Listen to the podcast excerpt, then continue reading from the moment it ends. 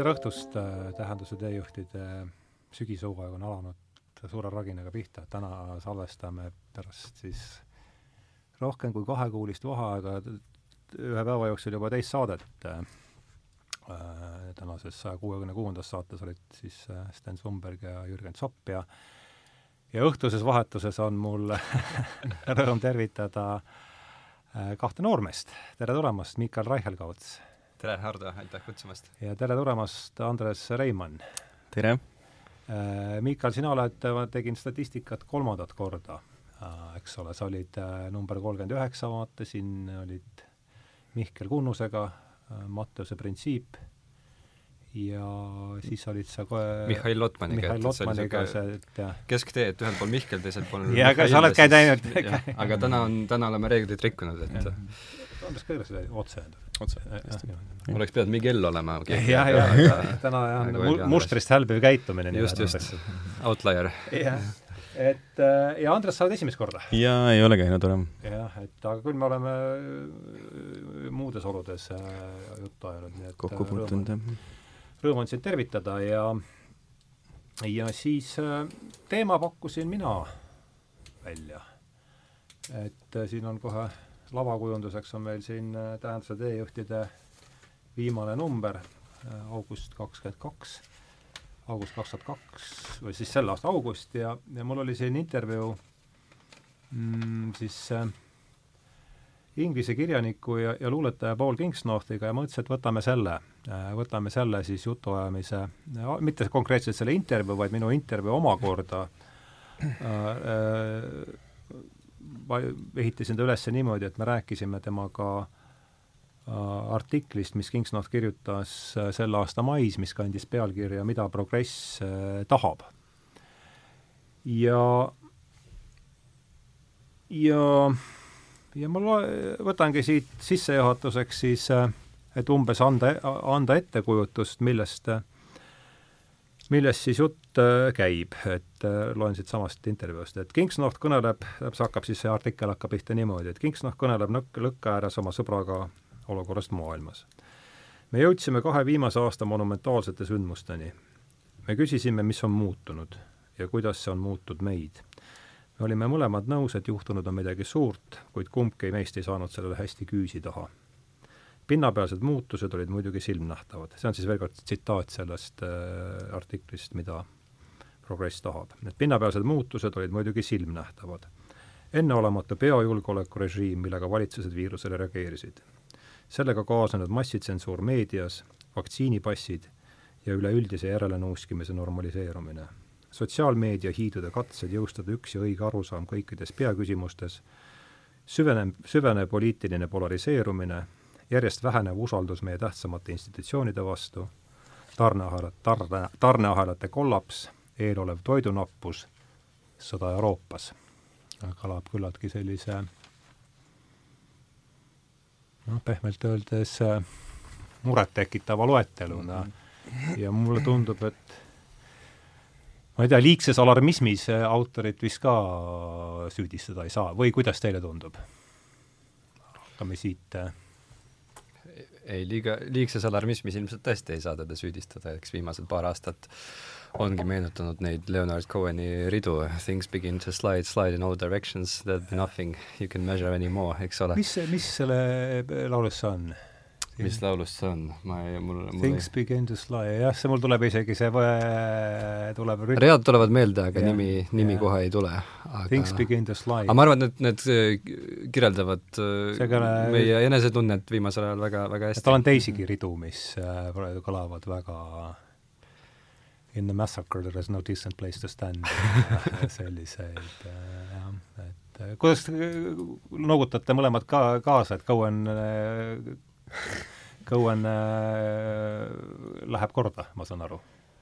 jah, ma ei tea, kas Cohen, Cohen ise läheb korda, aga, aga seda artiklit lugedes küll, eks noh, mis mõtted, noh, minul tulid pähe esimese hooga, olid see, et noh, et loomulikult, nagu Miikael mainis, on viimased aastad sellised tormilised siin olnud ja neid äh, kriise on olnud üks teise otsa, aga, aga noh, loomulikult see, millega siis kas kuidagi suhestuda proovida, on see kriitika, mis see äh, King Nord välja toob et mm, -hmm. et sellega kas siis nõustuda või mitte nõustuda, eks me eile Miikaliga õhtu otsa mõtlesime ja nuputasime, et mida sellest arvata mm. -hmm. ja ei, ma, ma arvan, et, et äh, me võib-olla varsti liigumegi siit äh, täpsemalt selle essee mhm. arutelu mm -hmm. juurde, aga selline mm -hmm. üldine emotsioon on miski, millega paljud võivad samastuda ja see ongi selline nagu kokkupuutepind, kust mm -hmm. alustada arutelu. ja esimene niisugune pilt, mis minul selle, kui ma hakkasin seda esseed lugema, siis mis mul ette tuli, oli see et kus ta räägib, et ta ei suuda nagu näppu peale tul-, panna sellele, mis on muutumas, aga midagi justkui oleks muutunud, et toimub selline äh, nagu mingisugune maalihe või kuidagi, kuidagi on midagi muutumas. mulle tuli esimesena meelde äh, selline sari nagu Babylon Berliin. ja, ja selle on... viimase hooaja viimane tseen oli minu arust see, et see oli just selle enne kahekümne üheksanda aasta krahhi, eks mm. -hmm. see peategelane Gerion Raat väljub, äh, siis vist oli mingisugune pangahoone ja siis, kuidas ta tunneb, et maa väriseb ja ta vaatab kanalisatsioonitorudesse ja seal liigub siis selline draakoni saba või midagi niimoodi ja siis see on see lõputseen sellest.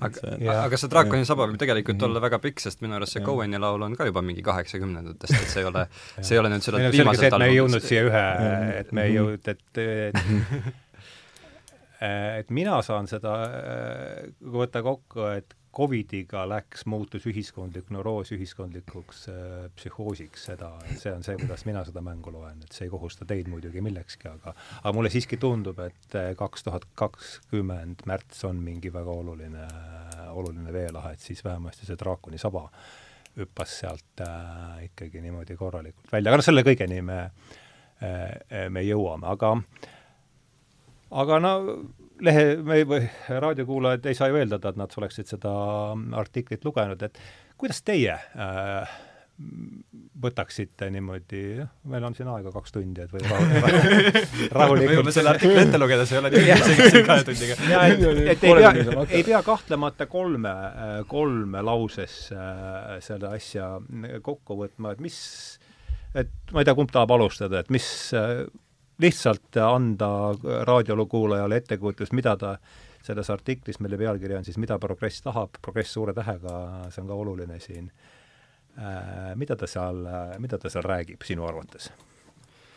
no esimene emotsioon, mis sealt äh, külge jäi, oli võib-olla selline võõristustunne modernistliku vaimu ees. Ja, ja, ja see pole, noh, me, me, me, me, me räägime siin äh, sellest, mis on toimunud viimase kahe aasta jooksul, aga tegelikult nagu ka Kingsnorth ise viitab äh,, tunnetasid midagi väga sarnast inimesed ka, ka kuuekümnendatel, eks ole, ta tsiteerib seal Ginsbergi.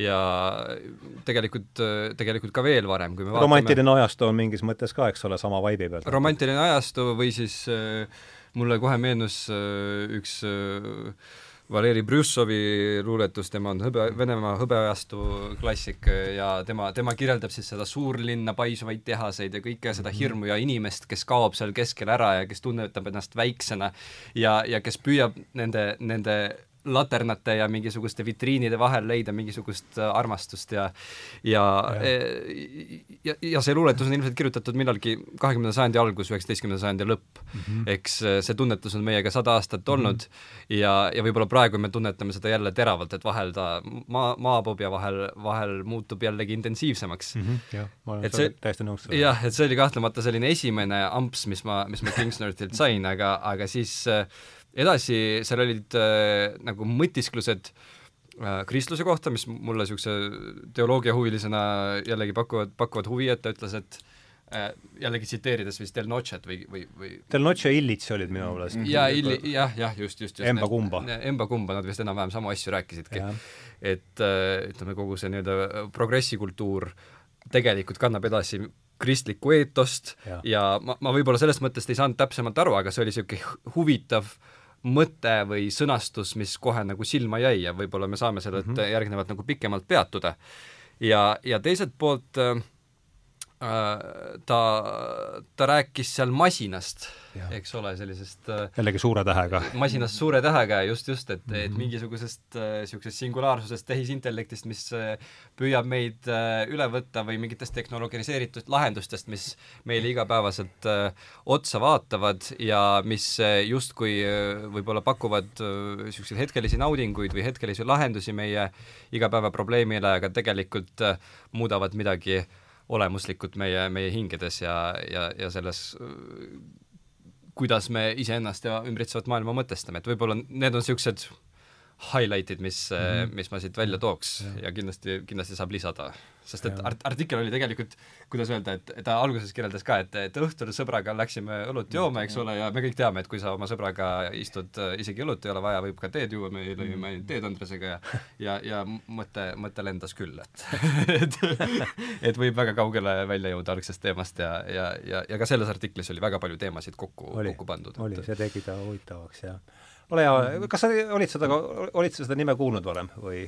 ei, ei, sina, sina tutvustasid mulle seda, no sa, ma arvan, sa, sa oledki mingis mõttes ko-, ta-, koos, koos Kaiega tähenduse teejuhtide toimetajatena väga paljude huvitavate mõtlejate maaletooja. no mul on hea meel selle üle, eks me sellise, selles oma rolli, rolli näeme ja see on meile endale pakkunud huvi ja, ja hoiab ennast kuidagi käigus ja silma säramas. et ole hea, Andres, mis sulle jäi kõrva? Jah, kui ma hakkasin, jah, kui ma hakkasin teda lugema, et siis äh, nagu mul tuli esimene pilt, nagu ma ütlesin, oli see Babylon Berliini, eks, draakoni lohe, lohe, lohe, lohe, lohe pilt. värisev maa on põhimõtteliselt. aga, aga eks teine asi, mis mul tuli äh, kohe nagu esteetiliselt läks kuidagi korda, oli see just, kui ta kirjeldas sedasama esimest avatseeni nii-öelda, et kus nad istuvad seal lõkke ääres ja mm. hakkavad siis juttu rääkima. ma olin just Helsingis, olin kaks nädalat äh, ühes suvekoolis ja Helsingis on üks hästi tore raamatupood Arkadia ja ma ostsin sealt Thoreau uh, Waldeni. Ja, ja lugesin seda no, seal Helsingi just väikeste saarte peal, saarekeste peal. Yeah.. et, äh, et just nimelt seesama selline äh, kuskil looduses eemal äh, linnakeskkonnas kirjutatud või kirjeldatud pilt tuli nagu pähe, aga noh, see on see esteetiline pool sellest. aga eks noh, Miikal tõi välja siin mingisugused sellised punktid, mis mulle ka kindlasti nagu äh, silma hakkasid, et näiteks seesama, et ähm, äh, küsimus nii-öelda ajastu vaimust või sellest, et äh, kuidas nüüd mingisugune, me tunneme mingisugust muutust, kas me saame seda muutust, mida me tunneme, nimetada ajast, ajastu vaimuks ja kas see ajastu vaim siis kõneleb läbi meie. ja kui see ajastu vaim justkui näib kuidagi rappuvat, midagi seal all näib kuidagi ebakindlalt, et äh, siis kuidas sealt midagi sellest arvata või kuidas seda äh, teoretiseerida ja noh, mida edasi sealt tekstist läks, et siis tuli neid metafoore tegelikult sinna juurde, et noh, et oligi see ajastu vaim, tuli see masina metafoor mm, -hmm. tuli mooloke metafoor, tuli progressi metafoor, ja noh, see, mida sa proovid teha, on sellele kuidagi näppu siis, või mida Kingsnor proovib teha, on näppu peale panna, et kus, noh, mis on see, mis seal, mis, mis äh, mis seda äh, kõike näis eh, kõigutavat, aga noh, kuna ma olen, ise olen sellise mõtteajaloo taustaga ja mõtteajalugu õppinud, noh siis loomulikult ma hakkasin kõikvõimalikke paralleele sealt otsima ja noh, proovisin kontekstualiseerida seda teksti. et mm -hmm. kus need mingisugused kui, kui, kui nüüd mõelda Kingsnorthist kontek-, kontekstiläheselt, et mis on need enam-vähem eh, tähenduse liinid, mida ta tundub kasutavat ja kust need tunduvad tulevat ja et mida ta rakendada, rakendavat tund-, rakendavat tund- äh,, rakendavat, tundub rakendavat, just aga ütleme jah, väga huvitav, et mõtted lao taustaga, et mis, millised, äh, kui peaksid nüüd ütleme kolm äh, nime tooma välja, kes seal kohe niimoodi rääkides mm, -hmm. sa mainisid ka nendes märkustest, mis sa saatsid, no ilmselt Hegelist, kui me räägime siin ajavaimu vingerpussidest, et siis ei saa. No just, et noh, Hegel on see üks asi, et, et ähm, et noh, Hegeli puhul on hästi oluline või huvitav ka see, eks, et äh, Hegel on üks äh, suurtest Prantsuse revolutsiooni äh, siis kirjeldajatest ja elab selle, eks, üle ja, ja tal on see ju, kus Napoleoni kokku saab see just, just, just, jah, Napoleon ratsutab läbi Jena linna ja, ja, ja siis jah, ja noh, ja noh, Hegelil on muidu see, muidugi see suhe selle Prantsuse revolutsiooniga on selline mitmetine, aga, aga eks tal oli ka, minu arust ta istutas Prantsuse revo-, Prantsuse revolutsiooni aukseks puu ja minu arust ta võttis ka siis sellise äh, toosti igal aastal Prantsuse revolutsiooni äh, siis terviseks oma tudengitega, vähemalt sellised jutud käivad. aga mis on just nagu huvitav muidugi ja mis selle, kuidas see Prantsuse revolutsioon, see tekst ja see Heegel kuidagi kokku tuua, on eks küsimus revolutsioonist kui sellisest, mida see revolutsioon tähendab ja äh, mida tähendab ühiskondlik muutus või milline ühiskondlik muutus välja näeb. ja see on nüüd küsimus sellest samast murrangust, sellest samast rappumisest äh,. ja noh, Prantsuse revolutsiooni tavaliselt äh, mõtteajaloos kirjeldatakse sellise pöördepunktina ajaloos, kui ta ref, äh, revolutsiooni definitsioon äh, siis jäädavalt muutub. et kui noh mm -hmm., mõelda revolutsiooni kui sõna sellise peale, eks noh, et tuleb äh, mis seal taga on, on eks noh, revolve, et ta on keerlema ümberkäik nii-öelda ja, ja justkui loomuliku ja just, just, ta ei ole just, just, just, et pigem ta pakub nagu, tuleb sealt äh, esimese hooga tunduks sealt tulevat äh, etümoloogiliselt välja selline noh, harmooniline ringkäik või selline äh, kronoloogiline mingisugune areng. Äh, siis äh, Prantsuse revolutsiooniga tavaliselt öeldakse seda, et just nimelt revolutsioon sai endale selle murrangu tähenduse, et ta toob kaasa siis mingisuguse pöörde, mingisuguse nihke, äh, siis ükskõik mis valdkonnast või millest me räägime, olgu see ühiskond, olgu see filosoofia või mida iganes.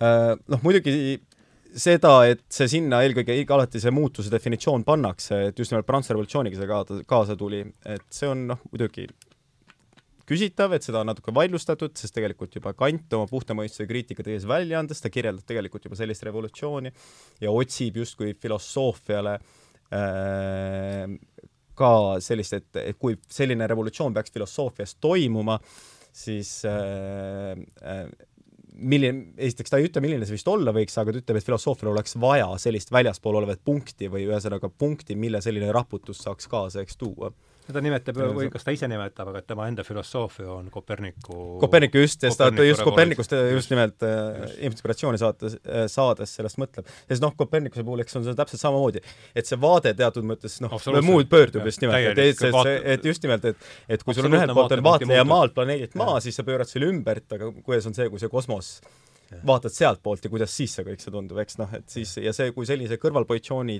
tekitamine filosoofiale endale, äh, Kant näib selle äh, sellise vajalikuna mm. -hmm. aga Hegeli juurde loomulikult viib selle jutu see, et noh, Hegel on sellise revolutsiooni või sellise muutuse mõiste noh, üks kinnitaja, kinniste, ju, ajastu vaim.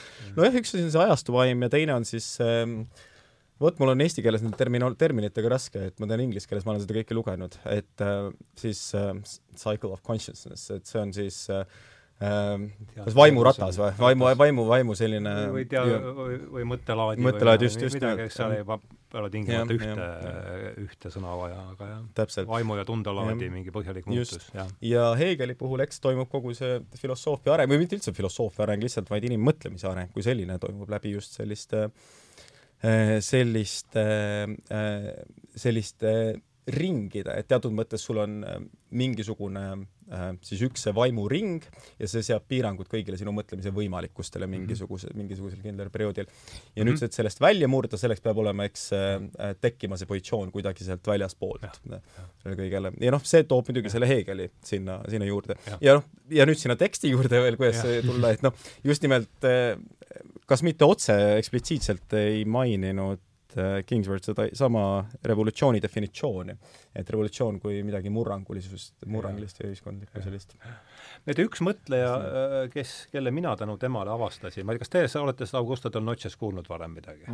mina ma olen kuulnud mingist mina... Äh, katoliiklikust blogist, sest olen tema nime korraks niimoodi ja. näinud, aga mitte, et ma oleks teda lugenud ja see mõte, just see, rääkides sellest revolutsioonist, et äh, et religiooni asemele, see on Del Noce mõte, et revol-, religiooni asemele on tulnud poliitika ja veel siis konkreetsemalt revolutsiooniline poliitika peale, kui sellest sama niidi otsa edasi sikutada. mis teie, kuidas see, see oli minu jaoks üks üks selliseid ahaa-kohti või, või, või noh, selliseid kohti, millele mina ei olnud varem, või noh, eks kuidagi võib-olla, ma arvan, et Kingsnoti puhul oligi see, miks ta mulle korda läks, et ma mainin seda ka oma intervjuu alguses, et ta sõnastas paljusid mõtteid, noh, ma arvan, et suurte kirjanike ju see teene ongi see, et nad sõnastavad minu jaoks või lugeja jaoks neid mõtteid, mis tal kuidagi, mille peale ta on ise kobanud, et mm -hmm. või mille poole ta on kobanud, et ta aga võtame, võtame sinna juurde ka Illitši, et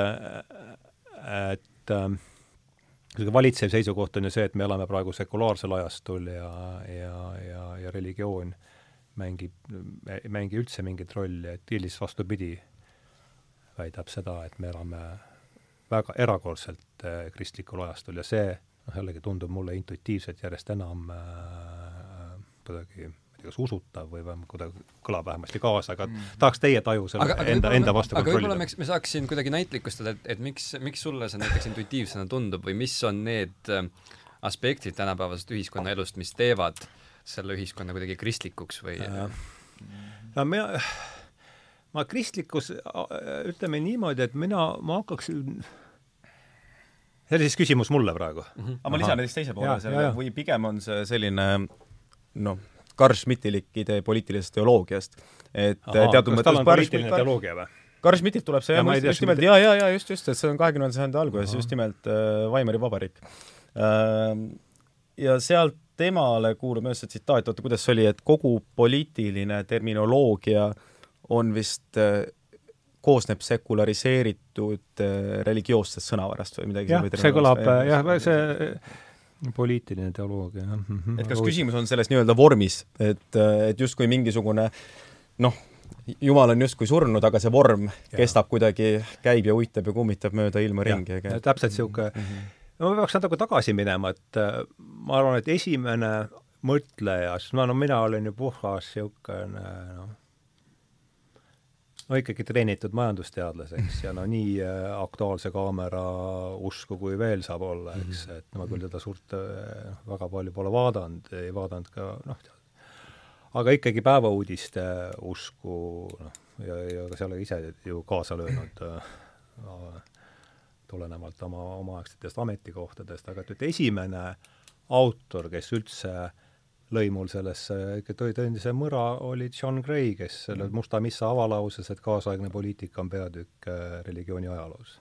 aga kas, kas religioon, religiooni ajaloos või kristluse ajaloos, sest mul, mul tundub, et, et siin on noh, tema lause on religiooni ajaloos, aga, aga noh, kuivõrd lääs on ikkagi, läänes on ikkagi ju laias laastus religioon on olnud äh,, kristlus tundub mulle vähemasti. Mm aga, aga, aga nüüd lähemalt selle juurde, et äh, nagu miks sa see, ja sellest ma olen palju rääkinud, et kus ma selle või kust tuli selle seltsi asutamise mõttegi kaks tuhat kuusteist ja sealt alates on olnud väga pikk teekond, kus on mu enda arusaamad ja hoiakud päris palju, päris palju muutunud, aga ikkagi see hingestav küsimus on jäänud endiseks, kust tuleb see hüsteeria? äh, meie ümber äh, mida mina tajusin juba kaks tuhat kuusteist, noh, mis hakkas pihta sellega, et üks või teine ütles seal midagi ja siis hakkas peale kisa, et kuidas selline ja selline inimene töötab üldse sellises, sellises kohas ja ja, ja ja siis tuli see, no ja ma ta-, ta-, tajusin sellist puritaanlikku,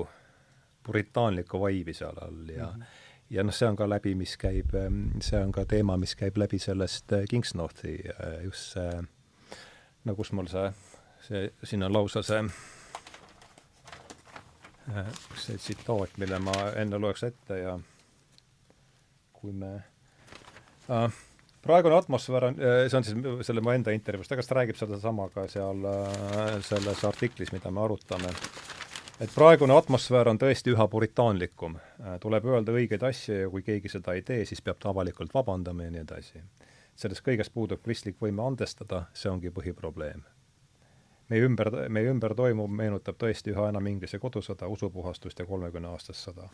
valitseb hoiak, et me peame, et me peame möödaniku plekid oma kultuurilt maha pesema, selles kõiges on tunda ususõja energiat, et äh, ja mina tunnen seda küll nii, mingis mõttes jõuame siin Ilitsi argumendi juurde tagasi, et me elame praegu -hmm. eriti, eriti kristlikul ajastul, me ei ole sugugi prosskristlikud, vaid käitume nagu Inglise kodusõja ümarpead ja kavalerid, et ma jäin nüüd ikka pikalt patrama siia et ja, ja, ja, ja et, et võib-olla üks asi, mis mul selle, juba selle tsitaadi raames tegelikult silma jääb, on on see, et, et ta kahes-kolmes lauses kõigepealt räägib äh, äh, kristlusest kui millestki positiivsest mm, -hmm. millest me oleme ilma jäänud, et ta ütleb, et enam ei ole seda kristlikku andestust ja siis, kui mm -hmm. inimene midagi valesti teeb, me kohe noh, cancel dame ta ära mm. -hmm. Äh, aga siis äh, teisipidi ta ütleb, et, et seesama cancel damine on tagasitulek mille juurde? puritaanluse juurde mm, -hmm. ehk siis äh, ehk siis see on äh, seesama kristlik entusiasm ja, ja, ja, ja siin tekib minu jaoks see mhm. vastuolu, et, et, et, et, äh, kas millest me kõigepealt räägime. jaa, et kas, kas Kingsnorthi silmis äh, kristlus kui selline on siis mingisugune äh, hea ülesehitav jõud või siis vastupidi, sealt tuleb see religioosne fanatism ja, ja soov äh, kuidagi lammutada, hävitada inimesi, kes mõtlevad teistmoodi ja võib-olla selle, selle saaks kõigepealt välja selgitada. jah, äh, võtame, mis kommentaari sellele siis üritame koos, see on hea, see on hea, see on hea äh, pusa, mida siin arutada. tahad sa lisada midagi sinna? või hakata juba, hakata juba arutama otsast sedasama asja?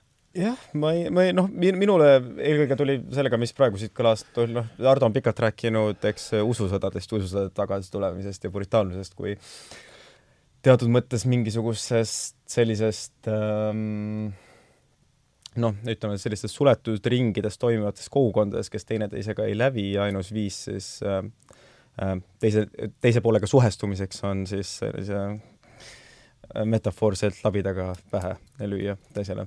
et äh, mulle, mulle tunne, mulle see eelkõige noh, seostus selle, seostus, seostus nagu selle motiiviga, aga noh, mille, millest võib siin rääkida, eks on noh, see just nimelt see ususõdade problemaatika, et kas, et kas me elame ma ei tea, midagi uuesti läbi sellisel viisil, nagu nad varem on olnud enne noh, et see, et see kri-, kristlik loosung tänasesse päeva võib olla kantseldada, mitte canceldada, et kantseldada.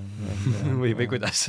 jah, kantseldamiskultuur on päris aga noh, tulles nüüd tagasi selle esialgse küsimuse juurde, mis sa, Mikael, püstitasid, et ma arvan, et Kristus on jällegi nii lai mõiste. on küll, on küll, aga, aga armastus ja andestus on äh, absoluutselt universaalne, igas ja. kristlikus konfessioonis räägitakse sellest nii puritaanluses kui ka, kui ka katoliikluses kui ka õigeusus, et, et see on äh, nii keskne mõiste, et sellest me ei saa kuidagi lahti. jah, ei nõus täiesti, aga ma noh, jällegi, ega ei ole, ma olen parimal juhul olen juhu, juhuteoloog, et no, ma ka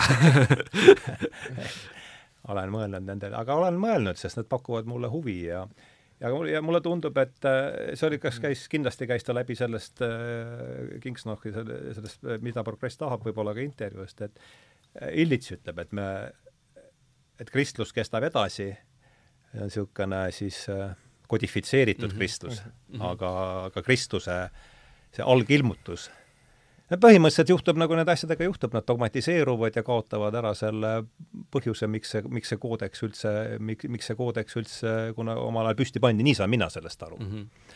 ja et see protsess algab juba noh, nagu tead, kui ministeerium püsti pannakse, siis on ju noh, tead äh,, nii, nii, nii need asjad ju käivad, et ühel hetkel ta kaotab see puhvet selle põhjuse, miks üldse kokku tuldi jah, ma, ma selles mõttes, ma arvan, et teatud üldistustasemel need, need väited on kindlasti õiged mm. -hmm. kui ma küs-, kui, kui küsida, mis on tänapäeva maailmas nii, nii-öelda noh, kristlikkus ja, ja võib-olla võtta mingisugune noh, ma ei tea, progressi liikumine ütleme, no la-, la-, la-, la-, laias laastus kõik äh, progressiivsed äh, poliitilised projektid, mis äh, Ameerikas aset leiavad, eks ole, ma ei tea, Black Lives Matter või mingisugused feministlikud liikumised, LGBT liikumine ja nii edasi, et nad lähtuvad ideest, et rõhutul võib olla õigus mm. -hmm. sest mulle, sest et eh, see idee ei olnud iseenesestmõistetav antiigimaailmas. eks ole mm, -hmm. see on kristluse uuendus, et eh, Jumal kehastus inimeseks, ta, ta löödi risti, ta suri kõige piinarikkamal ja mm -hmm. ebameeldivamal viisil üldse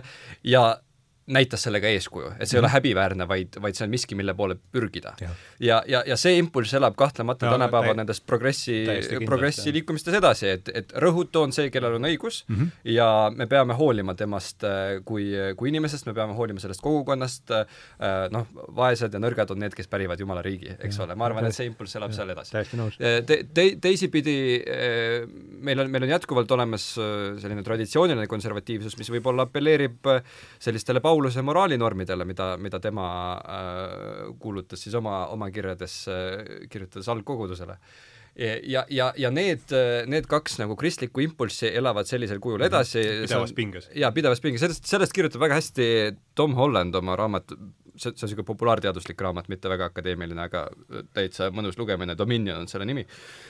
Dominion või? jah, Dominion, jah ja, ja, ja, ja see on tema idee tegelikult, või ma ei tea, kas see on tema idee, aga, aga mina võtan selle temalt. ütle palun, kuidas sa sõnastaksid nüüd, see on oluline, kaks, esimene impulss on siis see, mis tuleb äh... esimene impulss on see, et rõhutul on õigus, eks ole, et, et, et rõhutu võib olla see inimene, kellest, kellest tuleb lähtuda mm. -hmm. ja, ja teine impulss on äh, mingisugused traditsioonilised moraalinormid, traditsiooniline perekond äh,, ma ei tea, seksuaaleetika, siis mingisugune arusaam Äh, võib-olla mingist majanduslikust käitumisest ja nii edasi, et, et, et noh, kõik, mida selline konservatism, mõni, mõni keskmine konservatiivne Euroopa partei endas kokku võtab, noh, eks ole. -hmm. võib, võib niimoodi mõelda sellest. ja nende vahel, no ja, ja, ja ilmselt on seal noh, palju teisi sellise vastandipaare, mis kõik selle kristluse alla kuidagi absoluutselt jah, no kui me, kui me räägime nii nii, lai, nii, laiadest ideedest, eks ja. ole, siis, siis, siis me leiame neid paralleele kindlasti veelgi.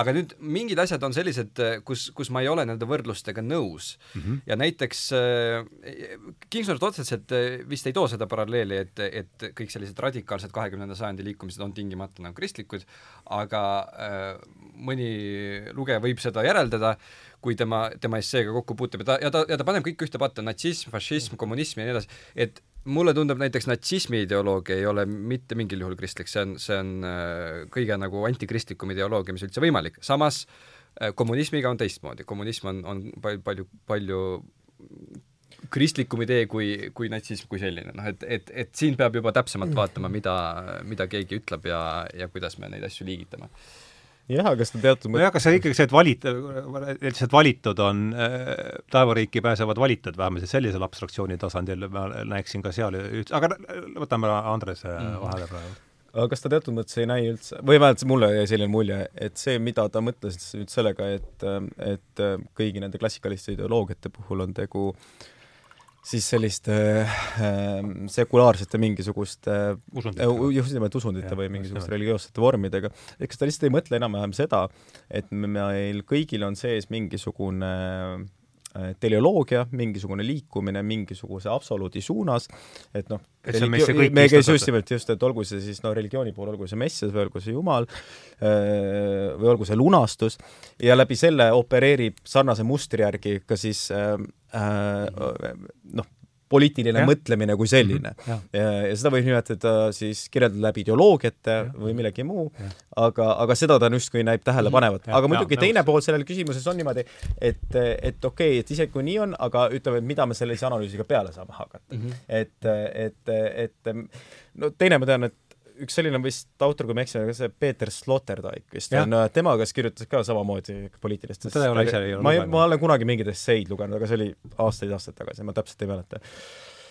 aga, aga tema vist kirjutab täpselt sama, sama, samasuguse nurga alt ähm, ähm, poliitilisi religioone mm. -hmm.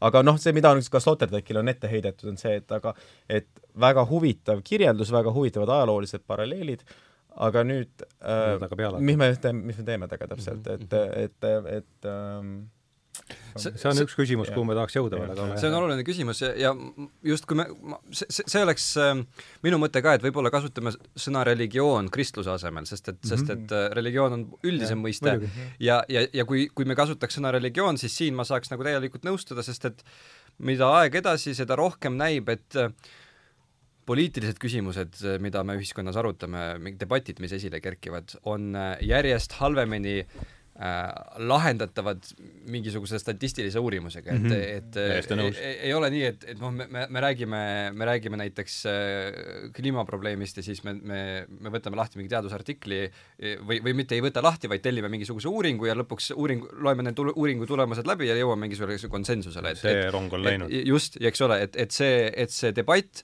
käib juba selle ümber, kas me peaks äh, usaldama teadust kui sellist, eks ole, või siis, või siis kui me võtame noh, mis tahes küsimuses tegelikult, kas või rassisuhted Ameerikas, eks, meil on ühed ja samad faktid, mida interpreteeritakse noh, erinevat moodi, et kas see, et näiteks mustanahalised on üleesindatud vanglasüsteemis, näitab, et rassism eksisteerib ja nad on rõhutud, või see näitab, et nad on keskmiselt halvemad inimesed ja rassistlikud eeldused on õiged. noh, et, et, et no, eks ole, ma, ma, ma ei ütle, et et et see viimane variant on õige praegu, aga aga, aga lihtsalt see on see, mille ümber debatt käib lõppkokkuvõttes. Ja need väited, mida üks või teine osapool teeb, nad ei ole enam falsifitseeritavad, vaid nad äh, põhinevad mingisugusel nagu sügavamal tunnetusel maailma kohta üldiselt, oma sellistel teoloogilistel veendumustel, et milline maailm on, kas, kas rõhujatel on õigus või rõhututel on õigus ja, ja, ja, ja nii edasi, et aga isegi ma arvan, et, et ma, ma olen selles mõttes nõus, et kindlasti on see tegu just nimelt sügavamate selliste veendumustega küsimuses, aga äh,, aga, aga noh, ma ma arvan, et see ei ole isegi, et ta ei ole nii oluline, ei ole seal küsimuse asetus, et kas rõhujatel on õigus või rõhututel on õigus. aga mul on tunne lihtsalt, et inimene noh, ei võtagi sellist otsust kunagi vastu, et küsimus, et, et nüüd ma asetun sellise, sellise kategooria, sest ma ütleks selline äh, mõttealane kuulus Raymond Coyce äh,, Raymond Coyce, Coyce. Äh, Cambridge'i koolkonnast äh,. kuidas sa kirjutad ta perenime? Raymond ja G äh,, G-E-U-S-S poiss ähm,. Aga ühesõnaga temal mis tema meile räägib? Äh, temal vist just ilmus hiljuti raamat, äh, selline autobiograafiline Kuidas mitte mõelda nagu liberaal. ja ühesõnaga, mida ta sellega välja väidab tegelikult on lihtsalt see, et Hardo läks ju kohe siia on seda, et, et, et ähm, mina pidasin ennast kaua aega liberaaliks, kusjuures mm. -hmm. ja nii et äh, et Briti Ameerika Akadeemias on pidevalt olnud eeldus, et kuidagi liberaalsele positsioonile või liberaalsetele eeldustele jõudmine on kuidagi a priorne.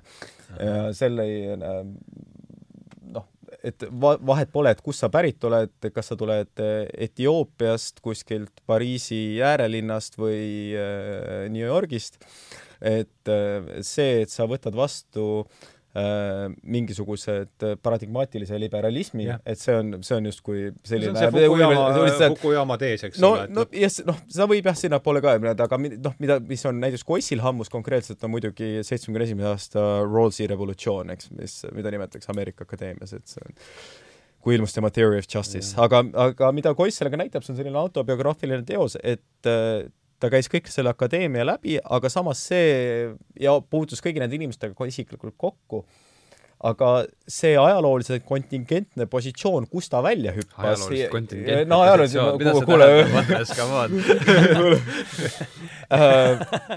ja ma, küll ma jõuan sinna. ajalooliselt tinglik siis või kuidas? ajalooliselt tingitud. tingitud, jah, tingitud, jah. ühesõnaga, aga selle mõte on see, et, et ta ka tuli välja siis ühest töölis- klassi perekonnas, ma täpselt ei mäleta, see oli kuskil seal Ameerika roostevöö mingisugusest piirkonnast, kasvas üles äh, jesuiitlike õpetajate taustal ja kui tema jõudis ühel hetkel Columbiasse äh, ja just talle on hästi oluline see, et ta esitas oma doktoritöö seitsmekümne esimesel aastal, samal aastal tuli ka Rawlsi see mm -hmm. raamat välja, et temale pakkus kuidagi väga suurt küsitavust alati see, et, et miks selline õhin, kust see õhin tuleb või miks see vastu võeti, et tema positsioon ei kinnita mitte kuidagi seda, kuigi ta nende inimestega kokku puutunud ja, ja, ja, ja aga ta, ta ikkagi ei võta seda kuidagi omaks, seda positsiooni niimoodi, et me kuidagi normatiivselt saame ühiskonda liberaalsete äh, printsiipide najal ümber kujundada, kui me lepime kokku nende printsiipide mingisugustes aluseeldustes. ja mida Koist näitab lihtsalt, see on see, et ta, et ta näitab seda, et teem-, selle nii-öelda siis selline liberaali positsioon, antud rolli, olukorras siis näiteks John Rawls, kui ka tema positsioon äh,, ta ise noh, nimetatakse realistiks, noh, see on debati küsimus, aga, aga äh, mõlemad positsioonid on nii-öelda ajalooliselt siis kontingentsed või tinglikud. ja mõlemad on alati Sattum, lihtsalt sattumus, sattumus, just nimelt sattumuslikult, juhuslikult sattunud tänu sellele, kus sa oled üles kasvanud, millises perekonnas, milline on olnud sinu koolitee, milline on sinu haridus. Ja vastavalt sellele noh, kas sa artikuleerid välja need alusprintsiibid oma nii-öelda maailmavaatele või mitte. et, et see on nagu teisejärguline küsimus, aga alati jääb see nii-öelda taustsüsteem toimima just nimelt läbi selle sattumuslikkuse teatud mõttes, kui sa siis seda teadlikult ümber ei hakka aga noh, idee on ju olnud see ikkagi, et me lõpuks sellelt sattumuslikult pinnalt ikkagi lõpuks siis koondume mingile ühtse no see on noh, jah, see on olnud selle kontingentsusega meenus jälle see Peeter Koppile lause, et urgentne necessiteet äh, distributeerida ebaõiglaselt äh, kogutud vahendeid. Sorry, ma uitmata. Ja aga nii, aga kus, kus me siit võiks edasi minna, et äh, kas äh, tuleks tagasi selle pealkirja juurde, et mida progress tahab, suure tähega progress ja, ja, ja huvitaks mind väga see filosoofiliselt haritud äh, vestluskaas-, kas äh, nominalistide ja realistide vaidlus, kas see on üldse midagi sellist, millega äh, tuleb, kas sul haakub sellega midagi? noh, mulle, mul sõna nominalist, noh loomulikult, no ma, ma tean mõtteloos neid kasutatakse nagu ka, aga ma olen eelkõige natuke see, mida sa tundusid kirjeldavat, meenutas mulle seda, mida filosoofias nimetatakse realis- äh,, no ei, mitte realistide, aga representatsionalistide ja mitterepresentatsionalistide vaheliseks debatiks. me oleme Miikaliga üks podcast sellest kunagi ka olnud. ärge kuulake. ärge kuulake. me, me ei viita sellele.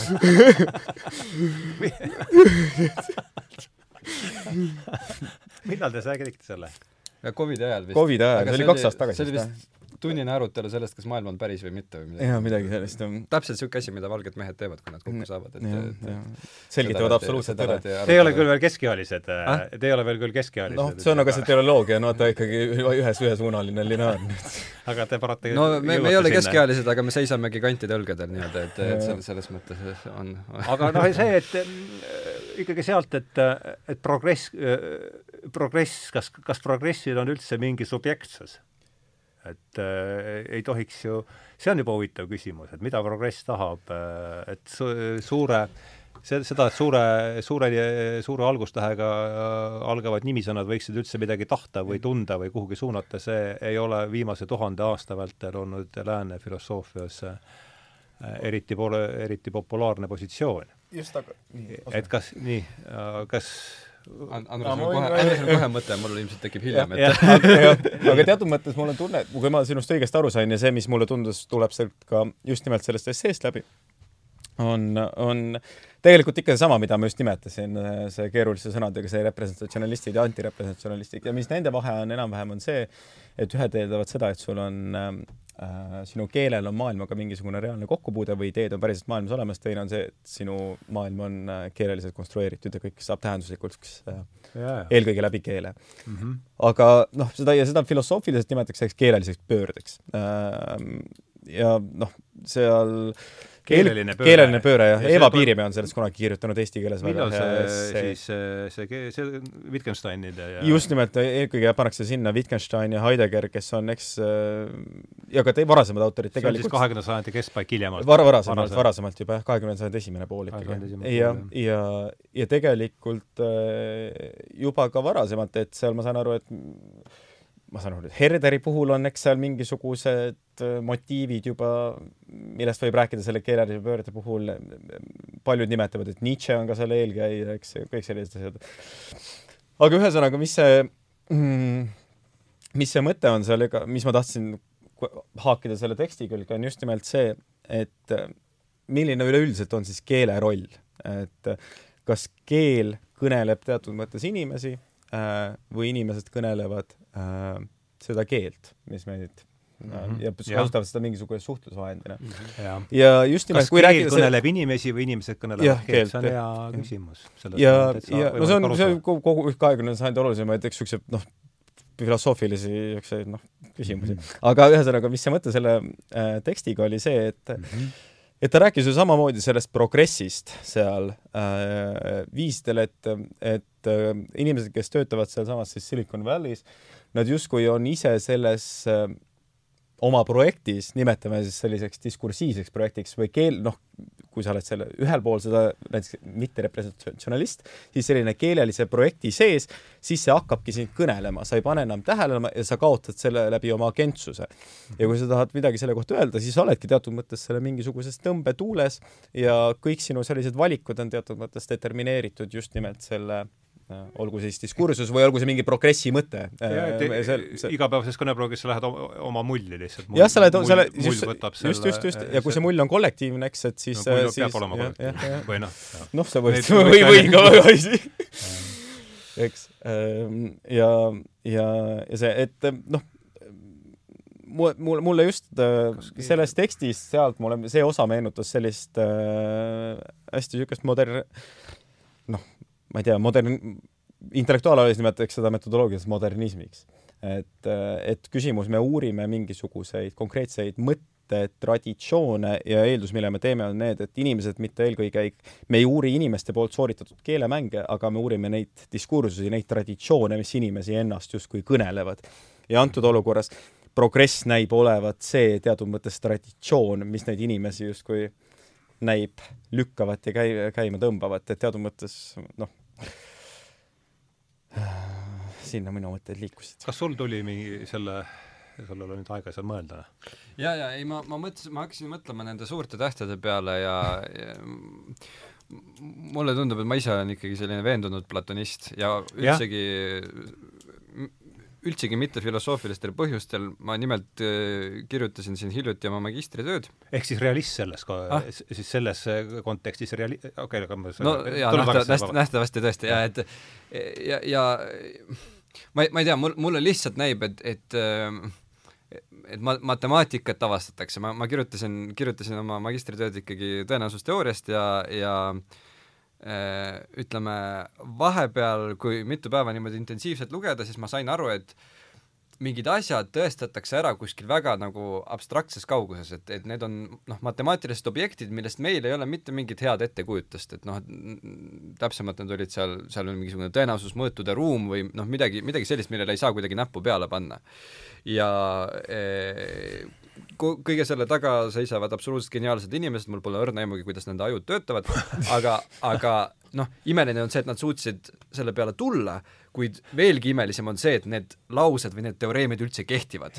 sest et mm. noh, jällegi ma peaks nüüd, kui, kui ma hakkaks oma magistritööst rääkima, siis see võtaks mingi viisteist minutit väga igavat juttu, mida, mida kuulajad kindlasti ei, ei, ei, ei viitsiks sellesse süveneda, aga, aga mõte on, mõte on siis selles, et mingid väga-väga head omadused statistiku mhm. seisukohalt mm -hmm. kehtivad seal kuskilt, kuskil abstraktsetes ruumides ja siis meie, meie jaoks on, on olemas nagu teatud selline redel, mis toob need tagasi nagu päris maailma, noh, reaalarvude maailma ütleme, et -hmm. mis, mis on, mis on kuidagi tajutav või, või intuitiivselt hoomatav mm. -hmm. ja siis ma alguses kirjutasin seal kaks peatükki, olid, olid mingisugused, mingisugused tõestused, noh, teoreemid, need ei olnud enamasti minu omad, ma nagu noh, olid, olid mingisugused skeemid, mida ma siis korralikult vormistasin, et ma ei ole üldse mingisugune andeks matemaatikatär, kui keegi seda arvab.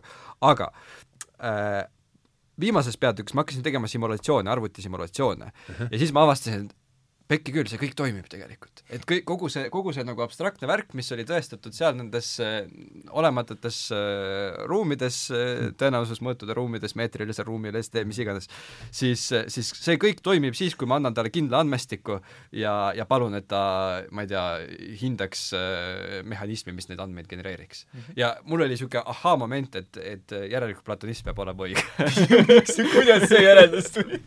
ei, et, et, et, et, et sul on, sul on, sul on nagu mingisugune, sul on mingisugune ideede maailm, kus nagu eksisteerivad nagu kõik need head omadused ja siis sa tuled nende peale ja nad see on lihtsalt mingi intuitiivne äratundmine no,. Või tekib koherentsus lihtsalt, et just intuitiivne koherentsus. no, no, no, no just, just, just see on niisugune, see on niisugune äh, sisemine tunnetus, et te ja. peate ise järele proovima siis joonistama. eks meil kõigil on ju selliseid kogemusi, kus absoluutselt, jah. Äh, et midagi lihtsalt jõu, jõuame millelegi, mis minu enda elus on need lihtsalt, lihtsalt väga lihtsad laused tihti, mida ja. mulle on räägitud äh, kakskümmend viis aastat.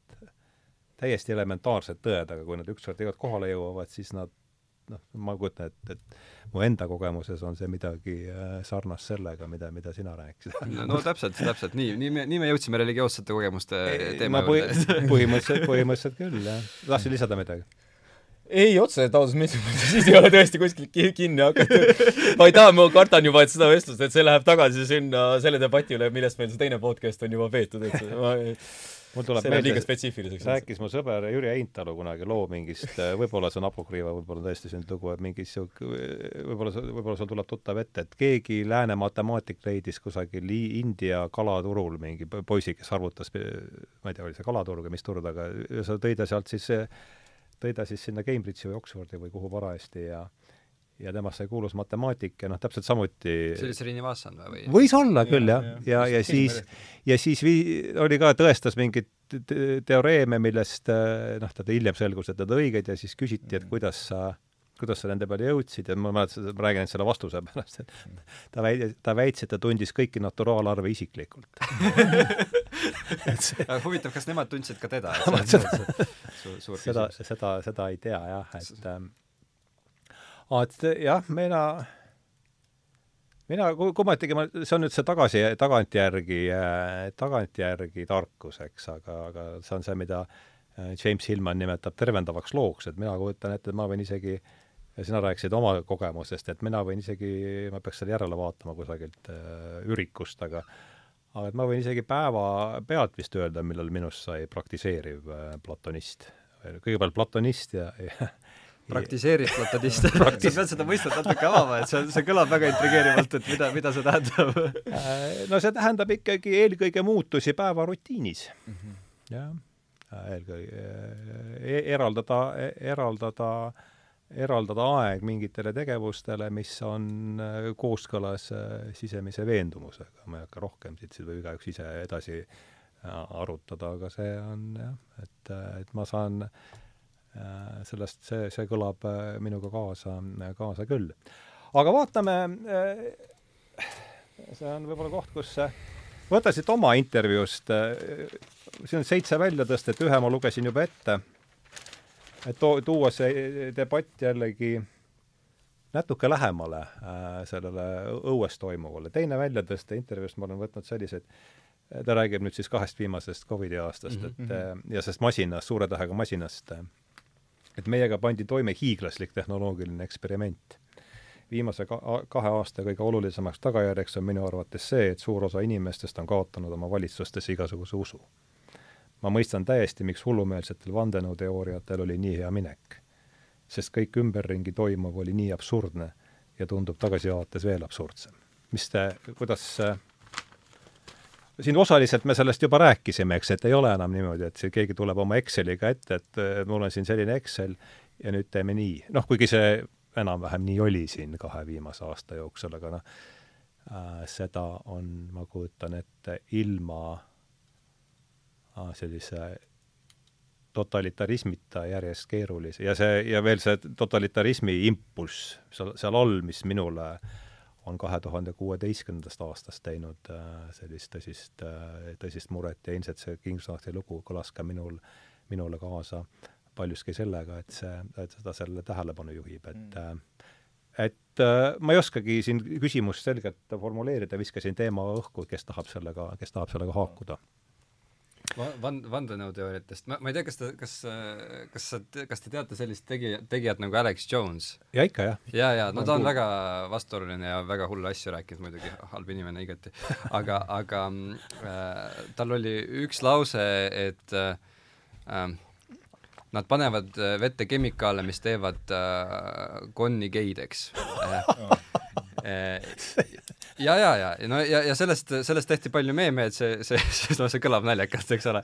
Ehm, ja, ja, ja, ja kõik naersid, aga siis ma mäletan, ma, ta, ta ütles seda veel siis, kui ma koolis õppisin ja üks päev tulid meile juurde teadlased äh, TalTechist nüüd, siis oli vist TTÜ veel. ja nad ütlesid ja nad pidasid meile loengu midagi re-, reovetest ja, ja kuidagi seal mingi, mingisugusest vee ökoloogiast. ja üks fakt, mis nad välja tõid, oli see, et, et ähm, nendel kaladel, kes seal ujuvad, nendel on äh, tekkinud äh, väga tõsine äh, kuidas öelda nüüd äh, äh soolise balansi nihkumine, et, et ma ei mhm. mäleta, kumba pidi see oli, kas, kas naissoost kalu oli liiga palju või meessoost kalu oli liiga palju, aga see kõik toimus just nende nagu hormoonide, hormoonide mõjul, noh. ja siis, ja siis noh, selline, see, see oli selline moment, kus, kus sa hakkad mõtlema, et noh, see pole päris see, täpselt seesama, mida Alex Jones ütles, aga, aga idee on enam-vähem selles, selles suunas mm. -hmm. ja, ja, ja see oli see moment, kus, kus mingisugune täiesti jabur vandenõuteooria Äh, Alex Jonesil olid seal teised järeldused, mis, mis, mis ei kehti ja ta nagu hakkas seda inimestele laiendama ja noh, seda ei tohi niimoodi teha kahtlemata, et ma kuida-, mitte kuidagi ei propageeri Alex Jonesi, et see, see oli noh, meemina toodud igaks juhuks ütlen, aga, aga aga, aga see, et, et, et mingisugune jabur vandenõuteooria, mille, mille peale me kõik naerame, pärast tulevad TTÜ teadlased ja siis hakkavad nagu sama, sama asja edasi rääkima, et, et noh, möödub, möödub paar aastat või, või pool aastat või ma, ma ei mäleta, kui palju mm. -hmm. ja, ja selliseid hetki ilmselt tekib äh, aeg-ajalt ja, ja jah, ma, see, see, see oli, see oli lihtsalt see mõte, mis, mis pähe tekkis, kui sa, kui, kui sa lugesid ette selle lause, et vandenõuteooriad muutuvad nagu kuidagi, kuidagi levinumaks, aga küsimus on nüüd selles, et, et, et selle üle ei saa nagu rõõmustada või see, see ei tähenda, et, et igale vandenõuteooriale peaks nagu järele jooksma või et me peaks neid esiteks on neid nii palju, me ei jõuagi nendele järele joosta. E-, eks ole, noh et noh, see on nagu Žirinovskiga, et lah-, lahku, lahku, lahkuda Žirinovskiga, et et, et tema puhul oli sageli see, et iga tema Youtube'i video all oli, oli kommentaar, et oh, see mees ennustas kõike, ta, ta suutis, ta suutis, ta nägi kõike läbi, ta oli nii tark. aga, aga kui sa viie minuti jooksul sõnastad neli erinevat äh, vastuoluli-, täiesti vastuolulist stsenaariumi, eks ole, siis üks nendest ikka läheb pihta, eks ole, noh et, et siin võib, võib tekkida nagu sama probleem, aga, aga lihtsalt kohati jah, reaalsus muutub kummaliseks, et see, see, see see on see häda, aga Andres, nii äh,, ütle nüüd midagi midagi head. midagi, ma, ma, ma, ei, ma, ma, ma tunnen, et ma, et ma kuidagi, et, et, et ma ei jälginud oma PR-i praegu piisavalt, et sa pead nüüd seda parandama, palun, et äh, no ja äh, noh, üks küsimus on lihtsalt, mida võiks küsida, on see, et miks need vandenõuteooriad siis nii populaarsed on ja, ja kuidas nad inimesteni jõuavad ja noh, mi-, milline, millised peavad need olema need tingimused, eks, miks nad, et inimesed kuidagi nendega kaasa läheksid või nendega haakuksid. ja noh, siit võib, ma arvan, et üks suur sõna on internet, millest võib rääkida selle, et see on nagu selline modernne trükipress, mis annab hoogu igasugusele sellisele mullistumisele ja sellise, noh, enne käis meil läbi see metafoor, et mingisuguse ühise pinna leidmine ja selli-, selli-, noh, interneti tingimustes on selline ühise pinna leidmine, eks noh, üha keerulisem. et see vist, mis oli kunagi, kui tiigrihüpet hakati minu arust arendama Eestis, et kas neil ei olnud, oli just nimelt see lootus, eks ju, vastupidiseks, et, et internet on just nimelt see, see, mis, mis harib inimesi, toob nad kokku ja inimesed ja. suudavad nõustuda või kokku leppida äh, mingisugustes äh, sellistes alusprintsiipides, olgu see alusprintsiibiks siis äh, ma ei tea, teaduse olulisus või, või, või mingisugune poliitiline tahe või no mis iganes, eks. aga, aga kui sul on ma ei tea, kui palju suurele osale maailma, maailmaplaneedist on internet kättesaadav, võib-olla Miikal teab statisti-, statistiliselt, aga päris palju jah, tänapäeval tegelikult. internet, siis sa võid ju tarbida ükskõik mida ja kui siia, kui see umbes see number, osakaal võib olla? Umbes, aga guugeldame. Google., meil on siin äh, meil on siin äh, aga, aga no mis ma, mis see mõte on enam-vähem see, et kui ähm, see, no esiteks, kui inimesel on see informatsioon olemas, siis leidub inimesi, ka teisi inimesi, sellise, sellise informatsiooni tarbijaid. Ja noh, teine pool on nüüd eks see sotsiaalmeedia. Ja kui sul on, kui, kui sul on äh, äh, inimene võib-olla, kellel ei lähe liiga hästi ja neid inimesi on meil, eks, nagu igal ajastul väga palju kes tunneb end üksikuna, kes tunneb, et tema identiteeti või mida iganes ei tunnustata, äh, siis äh, sotsiaalmeedia on ju kõige parem koht enda identiteedile tunnustuse leidmiseks, et sa leiad inimesed, kes sellega nõustuvad ja, ja, ja suudavad sulle luua selle kogukonna, kus sa saad ennast määrata just nimelt sellisena, nagu sa tunned äh, õige äh, ennast õigena kuidagi või ennast hästi. ja noh, sama loogika puhul, eks noh, tundub, toimub igasugune radikaliseerumine, et noh, kui mäletan, ma kunagi uurisin natuke neid äh, ülikoolis neid, kui oli need terrorirünnakud, eks, oli Pariis ja Brüssel ja need oli kaks tuhat viisteist ja äh, ja see teema, et noh, siis oli täpselt samad küsimused tulid, eks õhku, et kuidas toimub radikaliseerumine ja millised tingimused peavad olema selleks loodud, eks. ja mul on tunne, et eh, noh, selle vandenõuteooriate järgijate puhul on noh, mingisugused vähemalt sellised, ma ei ole kuidagi vandenõuteooriaid kunagi uurinud ne, kuidagi teaduslikult. aga mul on tunne, et seesama identiteedi küsimus on seal hästi oluline eh, just nimelt ja identiteedi küsimuse, nagu ma seletasin, haakumine sotsiaalmeediaga ja just nimelt selle, et sotsiaalmeedia pakub, loob tingimused, mis suudavad pakkuda tunnustuse inimesele ja, eh, ja tema tema olemise viisi. üks lause, mis mul, ma lugesin seda vahe, pärast seda oma esseistikat Barry Kingsnorthist taga, mm -hmm. tagasi, et üks lause, mis mulle jäi meelde, et selles kultuurisõja tingimustes mõlemad pooled tunnevad, et nad jäävad millestki olulisest mm -hmm. ilma mm. -hmm et neilt võetakse ära midagi, mis on nende jaoks äh, oluline ja noh, siis kumbki pool süüdistab muidugi, muidugi teist ja, ja see aga üks teema, mis nüüd haakub kogu selle asjaga ja, ja minu arvates, mis, mille tõi nüüd Covid eriti selgelt välja ja, ja veel kord, et me ei sattunud ju siia niimoodi üleöö, et see, mis on siin pikalt küdenud tõenäoliselt koos selle internetiga, on üleüldine niisugune epistemoloogiline kriis, et äh, me ei suuda enam, meil reaalselt ei ole seda ühte Excelit enam. ja ma arvan, et pärast Covidit äh, seesama lause, et suur osa rahvast on kaotanud valitsuste igasuguse usu, on see veel keerulisem äh,, äh et äh, et kuidas teie siit jah, hakkasite juba rääkima? aga ma tegelikult küsiks vastu, sest et mulle tundub, et, et äh, võib-olla ma saan sinust valesti aru, aga mulle tundub, et nii sina kui ka Kingsnorth, äh, te justkui nagu viitate tagasi mingile ajale, kui meil oli see üks Exceli tabel, mis kuidagi mm -hmm. juhtis meid ja. või et meil oli mingisugune ühtne mm -hmm. alus, et, et äh, pidada mm -hmm. neid debatte kuidagi mõõdukalt või kuidas ja. öelda, või inim-, inimesi armastavad, aga, aga, aga mis ajastu see on nagu ja ma, ma küsin nagu täiesti siiralt, et mis, mis aega me tagasi vaatame ja, praegu? noh, ütleme, kui palju nüüd, kui sa nüüd räägid mingist üleüldise armastusajastusest, siis sellest ma, seda siin ma ei oska sulle muidugi vastust anda, aga, aga üks äratundmine oli meil siin möödunud aasta maal, kui ma telekas tuleb Youtube, eks mm. -hmm. aga mina mäletan väga helgelt seda aega, kui oli, oligi kaks kanalit, ei olnud isegi ETV kahte, oli Kesktelevisioon ja ETV ja see mm -hmm. oli see aeg,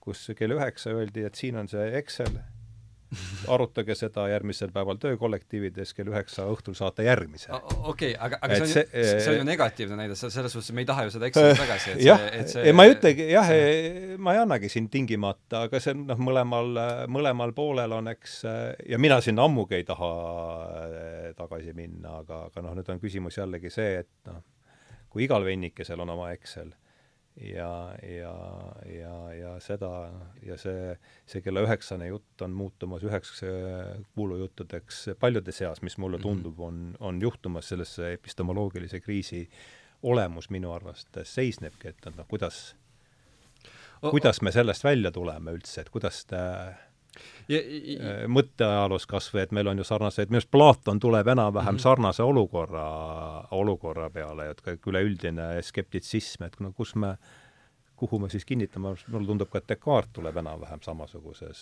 äh, noh, reformatsioonijärgses äh, no just. reformatsioonijärgses segaduses, et see on minu arvates võib-olla isegi see põhiküsimus siin, et väga huvitav oleks kuulata teie arvamusi. aga kas see segadus ei ole just inimkonna nagu loomulik seisund? oo jaa, kindlasti, aga, aga sa oled ka sellega nõus, et, et see on ikkagi põhimõtteliselt erinev seisund, see siis ringhäälingu mudelil meedia, kus sul ongi üks uudistesaade ja, ja, ja siis kaks põhi, et see, siin on ikkagi fundamentaalne muutus, Abs-, absoluutselt, aga praktikas siiski jällegi, kui me räägime usaldust valitsuse suhtes, kui paljud inimesed Nõukogude Liidus usaldasid oma valitsust?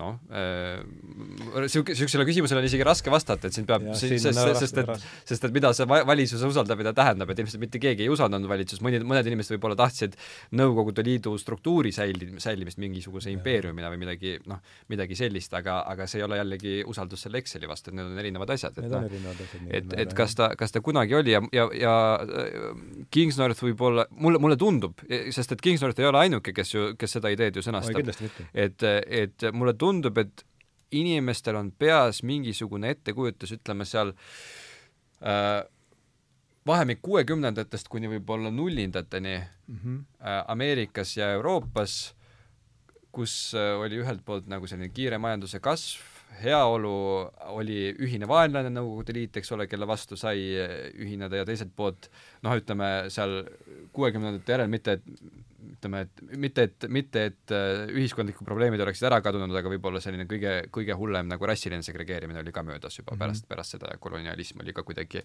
selja taha jäetud, aga, aga noh, jällegi, et, et see oli lihtsalt niisugune uitmõte, et ma ei tea, Andres, mida, mida sina ütleksid selle peale?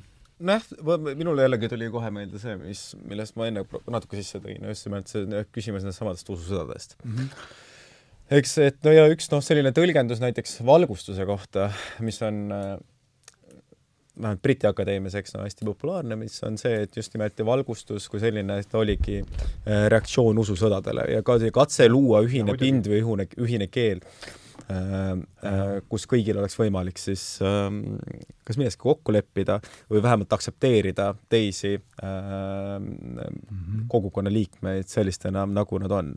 ja noh, siis noh, näiteks võibki tuua, et noh, muidugi valgustusi on ka eks erinevaid, et seal on noh, kõik.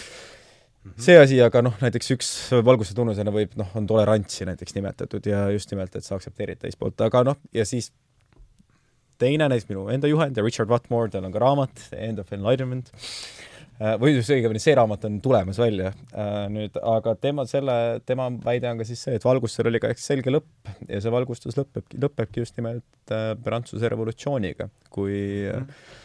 kui selline viis asjast aru saada ja kokku leppida kukub läbi et ähm, jah, ma ei tea. et see oli nagu niisugune esimene haakumiskoht. Ja siin on minu meelest ikka otsene paralleel ka reformatsiooni ajaga, enne seda on üks yes. meediakompanii. ja tuleb ainult ühte joru ju kõikidest äh, kanalitest põhimõtteliselt, mida on siis põhimõtteliselt ainult ju üks, et et trükisõna on, on nii vähe ja kõik tuleb läbi siis mm., siis kiriku. et see see laguneb kuueteistkümnenda sajandi alguses, nii et ma, mulle tundub, et see, see paralleel, see te-, suur tehnoloogiline murre on väga sarnane, noh, ma ei ole siin ammu, pretendeerin mingile ori-, originaalsusele siin, eks, aga mm -hmm. et, et mulle tundub, et õhus on mingi sellise teise, teise reformatsiooni vaibi.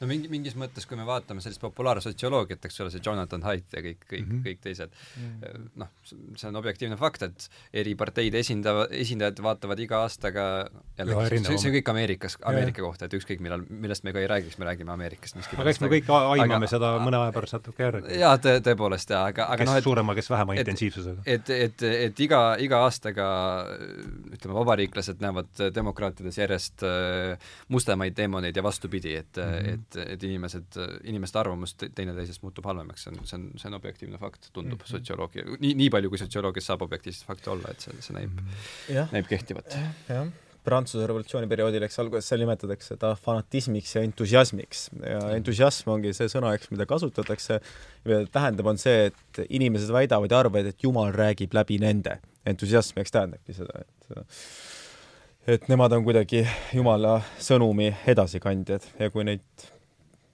siis neid äh, jumalaid on rohkem kui üks, eks, siis on see äh, siis viib see fanatismini äh, ja fanatism, erinevate fanaatikute kokkupõrkeni.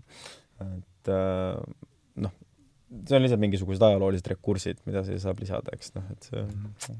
Äh, tahad sa lisada, ma toon, või, või kui sa, kui sa, tahad sa lisada praegu siia midagi? ei, ma, ma arvan, et, et see, see idee on enam-vähem ma tuleksin ikkagi tagasi, mulle tundub see äh, mulle tundub ikkagi see, need, need suured, see platonism ja need suured, suured, suured, suurtähega kirjutatavad nimisõnad, mis mm, -hmm. milles sellises, milles selles ilmavaates on oma, oma subjektsus et see artikkel, mida tehnoloogia tahab, on tegelikult äh, siis äh, parafraas äh, raamatule, sellest ta vist kirjutas seal artiklis ka, ja, ja Kevin Kelly raamatule Mida tehnoloogia tahab mm. -hmm.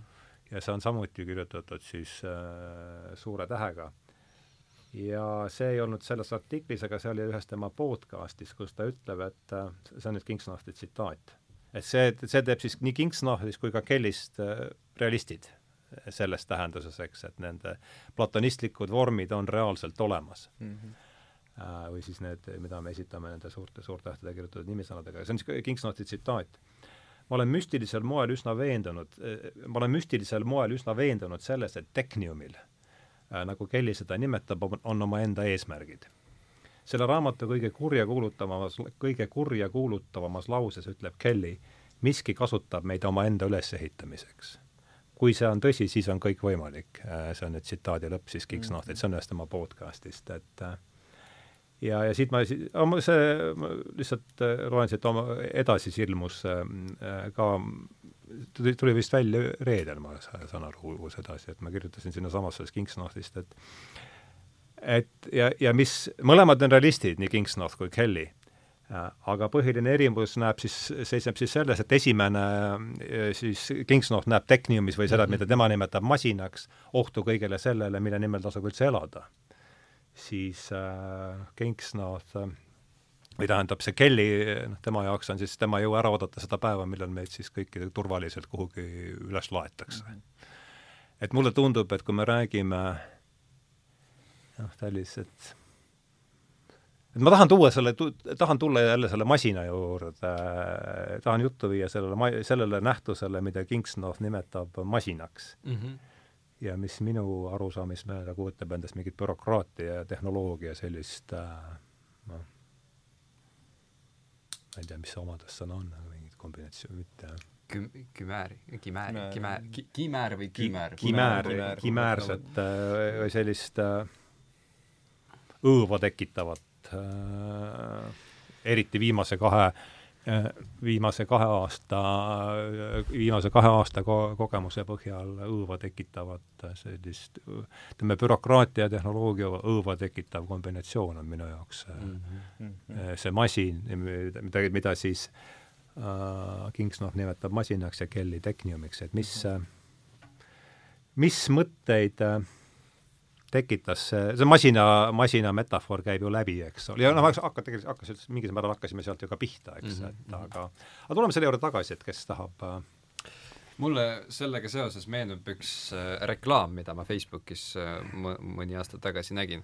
ja nad reklaamisid sellist väga huvitavat vidinat, et see on peavõru, sa paned selle pähe mm -hmm. ja siis ta mõõdab sinu mingisuguseid elekt-, ma, ma, ma, ma, ma kindlasti ütlen valesti, aga mingisugused ele elektromagnetlained, mis on ajus sellest sa vist kirjutasid selles, selles konspektis ka, mis ette saad. ja, ja, ja, ja. aga räägi seda lugejat. et ta, ta, ta kuidagiviisi mõõdab mingisugust ajuaktiivsust, et ma, ma ei mäleta täpselt, ma ei mäleta, mida täpsemalt, aga mõõdab ajuaktiivsust ja siis see peavõru peaks aitama inimesel paremini mediteerida sest et eh, selle disainijad, nad käisid siis kuskil Tiibetis ära ja olid lausa mingis mungakloostris, nad äh, mõõtsid äh, mediteerivate munkade aktiivsust ja siis põhimõtteliselt töötasid selle põhjal välja algoritmi ähm, selleks, et, et, et parandada meie mediteerimiskogemust mm. -hmm.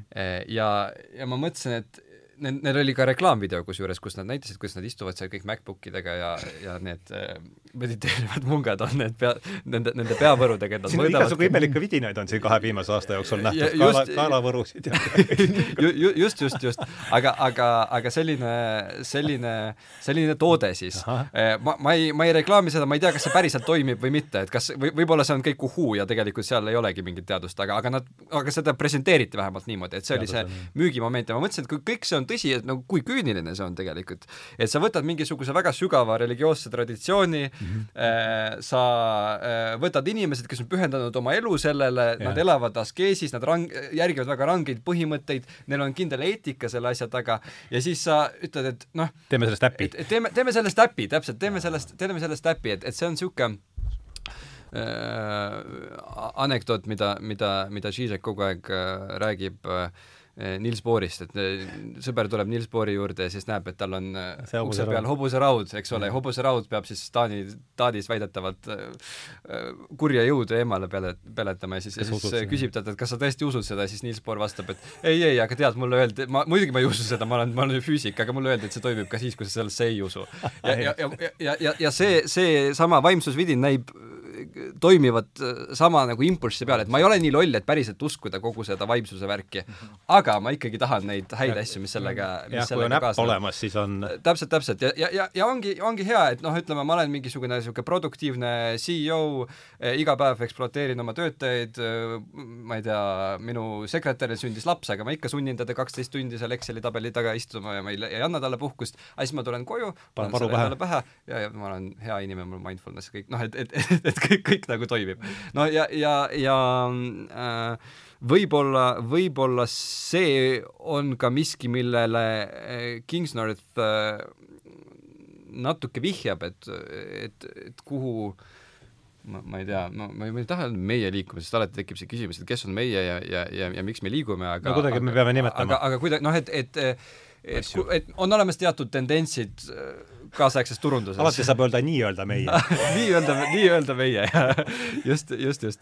Äh, mis, kui, kui me rääkisime sellest, et, et poliitilised probleemid on järjest äh, raskemini falsifitseeritavad, eks mm -hmm. ole, äh, me, me vaidleme nagu mingisuguste ideoloogiliste küsimuste üle ja me enam ei saa otsustada maksumäära küsimusi näiteks majandusteadusliku uurimuse põhjal, me ei saa määrata ka ma ei tea, süsiniku äh, poliitikat äh, teadusartiklite põhjal, sest et tekivad inimesed, kes on lihtsalt vastu või, või on lihtsalt poolt, aga, aga, aga, aga samas kuigi need on justkui praktilised küsimused, küsimused, kus tehniliselt me tahaks või tehniliselt ju võiks leida lahenduse puhtalt äh, mingitele objektiivsetele uurimismeetodile toet-, toetades. ja siis samas meil on mingid valdkonnad, mis on inimese jaoks väga noh, sügavad, olemuslikud, armastus äh,, religioon äh,, seesama mediteerimine, vaimne heaolu, eks ole, ja seal me justkui tunneme, et me saame leiutada mingi väga kavala nipi, kuidas äh,, kuidas äh, müüa seda, seda lahendust noh, äpi, äpi teel, et sa saaksid seal Google Play's tõmmata ja sul oleks neljaeurone igakuine subscription ning, ning, ning kõik toimiks. noh, et, et selline, selline nagu vastuolu või, või kuidagi pea peale pööratud struktuur, aga, aga jah, see siinkohal lõpetan, tänu, tänu tähelepanu eest. Mul tuleb, mul tuleb meelde üks lause või eri, noh, mõned laused on meeles, et uh, Kingsnorthit jälle, et we don't, we don't do wisdom anymore, there is uh,, we don't do wisdom in, in, in the west anymore, there, there is probably an app for that anyway. Ma olen suht kindel, et on olemas äpp, mille nimi on wisdom. ja kindlasti, selles, selles, selles pole kahtlustki jah, et sihuke, sihuke Hu huvitav, mida see teeb. peab vaatama. ja mulle meeldis, meenus Miikali jutuga, mul üks aastaid tagasi üks, mul üks äh, tudeng kinkis mulle sünnipäevaks T-särgi äh,. seal oli ka suurelt oli pealkiri. miks sa oma tudengitelt kingitusi vastu võtad? Teil on võimusuhe, Andres. tudeng juhtus olevat ka sõber, et äh, tal oli suur äh, peale kirjutatud Dasein, eks. Dasein jah, eks noh, Heidegeri mõiste. ja hiljem äh, pakkus see siis äh, teiste ülikooli töötajate seas väga palju suurt lõbu ja kui ma kasutasin seda hiljem jooksusärgina, mis mul joostes seljas, ma Tartu peal ikka ülikooli töötajad vaatasid järele ja hiljem küsisid, kas olid sina selle imelise särgiga. aga noh, selle Kingsnorthi äh, esseele jälle tagasi mõeldes, et äh, eks see, mida Miikael kirjeldas, see noh, kaubastumine ja tootest, tooteks muutumine, mis iganes see sõna on siis, et, et noh, ta kirjeldab mingisuguseid erinevaid elemente selle, selle nii-öelda selle masina juures. et aga, aga, aga, aga samas on selle puhul noh, ma ei, või ma ei tea, mis teie arvate, et see, mida ta hästi palju ka rõhutab selle juures, me saame välja tuua selle masina mingisuguseid erinevaid omadusi, öelda, et näiteks, et äh, inimesed, et see mudib inimeste mingeid käitumisviise ja inimesed kuidagi lähevad selle kaasa, et see on mingi tunne, aga samas ta ei taha selle kuidagi näppu peale panna, ütleb, et ma ei suuda selle näppu peale saada, mis see ikkagi täpselt on ja mis see on, mis see on, mis see on, et äh, noh. selles suhtes sõnum ütleb küll, jah. jah, just, et ähm, ma ei tea, mis, Andres, aga tead, võib-olla siin oleks paslik rääkida ka sellest surveillance äh, kapitalismist, et sina, ma ei tea, sa, sina oled nagu sellega palju paremini kursis kui mina, aga, aga kui me eile arutasime seda äh, teed juues, siis no just, et see on ju teine element, mis ta välja toob. üleüldise järelenuuskimise normaliseerumine, mille jah, ja see, see, noh, ta toodi ka välja, aga noh, muidugi, mis on äh, ma ei tea, milline on Kingsnorthi suhe sellega konkreetselt, aga juba noh, see oli paar aastat enne kui koroonat, kui kirjutas selle sama raamatu, mis oligi Surveillance Capitalism oli selle nimi ja see oli see Shoshana Zuboff äkki või midagi sellist, Harvardi mm -hmm. professor. sellenimeline raamat. jah, jah, jah, ja see oli ikkagi nagu selline bestseller, et see oli igal pool lennujaamades, igalt poolt paistis, mäletan vastu et äh, aga eestikeelses oskad sa autorit nimetada veel? minu arust on äh,, perekonnanimi on Zubov, Zubov või Zubov, midagi sellist e. esimene ei mäleta. jah. Žoš-, kas Šošala või Šošana või, või midagi, midagi, midagi sellist, jah eks, või noh, aga see on üks näide lihtsalt sellest, et kui see äh, jälgimisteema on eks äh, nagu esile kerkinud, et sellel on ju noh, suur selline scholarship või selle, sellega on ju tegeletud noh äh, hästi nagu pikalt, et aga mul üldse hästi selline värvike näite minu arust, mille see Zubov oma selles raamatus tõi, või oli see mingis podcast'is, ma ei mäleta, kus selle välja tõi, oli see, et ostis endale mingisuguse, ma ei tea, kas õhukonditsioneeri koju või midagi sellist.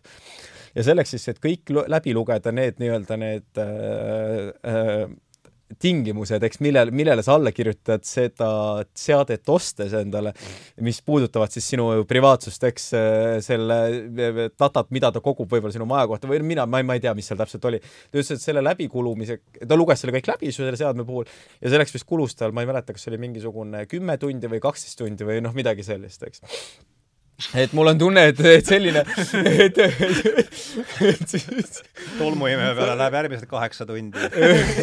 sinna see elu lähebki. haldus, ainult haldus. aga jah, et, et, ähm, et et lihtsalt ja mul on tunne, et noh, mis selle Covidi puhul või koroona puhul oli noh, selgelt, et sealt tõusis ta kuidagi, lihtsalt tuli meediasse see teema, et, et, et Kõigile just nimelt, et kõigi puhul on see niimoodi. aga noh, see on selles suhtes ju nagu pidevalt olemas olnud, et samamoodi, et oma dopamiinilakse rahuldades me istume nutitelefonides, oma nutiseadetes, noh, Facebookil need, noh, kõik toimuvad täpselt samadel põhimõtetel, eks noh, telefoniga kas või rääkimine, kõned, et noh, see Edward Snowden, seesama kuulus, eks äh, vilepuhuja, temal on väga häid intervjuusid täpselt rääkinud, mida on nutitelefoniga võimalik teha ja millist infot kogutakse, noh, Ameerika näite nüüd ikka, et noh, see niisugune, aga, aga noh, taas äh, tuleb välja selle või tuleb kokku selle nii-öelda selle, selle juurde, millele Kingsnorth siis näppu ei suuda peale panna, sellele sama ajastu äh, vaimu juurde, aga noh, nüüd on muidugi see huvitav küsimus või oluline küsimus, et et aga mille, mille, milliste kriteeriumite ajal teeb Kingsnorth selle valiku, et just need on need kesksed probleemid, eks. et mis on, kas on tema intuitsioon või, või mi, mis toob need probleemid omavahel kokku, et mis toob kokku selle jälgimisprobleemi äh, Miikali siin kirjeldatuga või, või, või selle, mm. et kas see on ainult nüüd see Covid või on seal tahab ta kirjeldada mingisugust laiemat, ma ei tea, toimimismehhanismi, mis, mille ilmtingimata peab eel, mille eel, selline eeldus peab olema siis ka see jälgimisühiskond nii-öelda, ma ei, ma ei see, see külmkapiga seoses, ma ostsin ka hiljuti külmkapi ja siis ma hakkasin, hakkasin mõtlema äh, et äh, praegu on hästi, no ma, ma, ma ei mäleta, kui, või noh, kas te mäletate siis, kui iPhone'id alles tulid, olid, oli palju äppe siis neid sai osta, aga sa maksid näiteks kolm dollarit ja siis sa said äh, selle äpi igaveseks mm. -hmm. nüüd on väga vähe selliseid teenuseid, et enamasti sa ostad, äpp on tasuta, aga siis ta annab sulle kümme protsenti teenustest nii-öelda niisama, aga siis ülejäänud on, on raha eest, et peab vormistama mingisugust subscription'it, siis ma mõtlesin, et, et võiks ju, võiks ju olla tasuta külmkapp, aga siis enne seda, kui sa seda avada tahad või midagi, midagi süüa saad võtta, sa pead noh, mingi viieminutilise reklaami näiteks ära vaatama, et mm.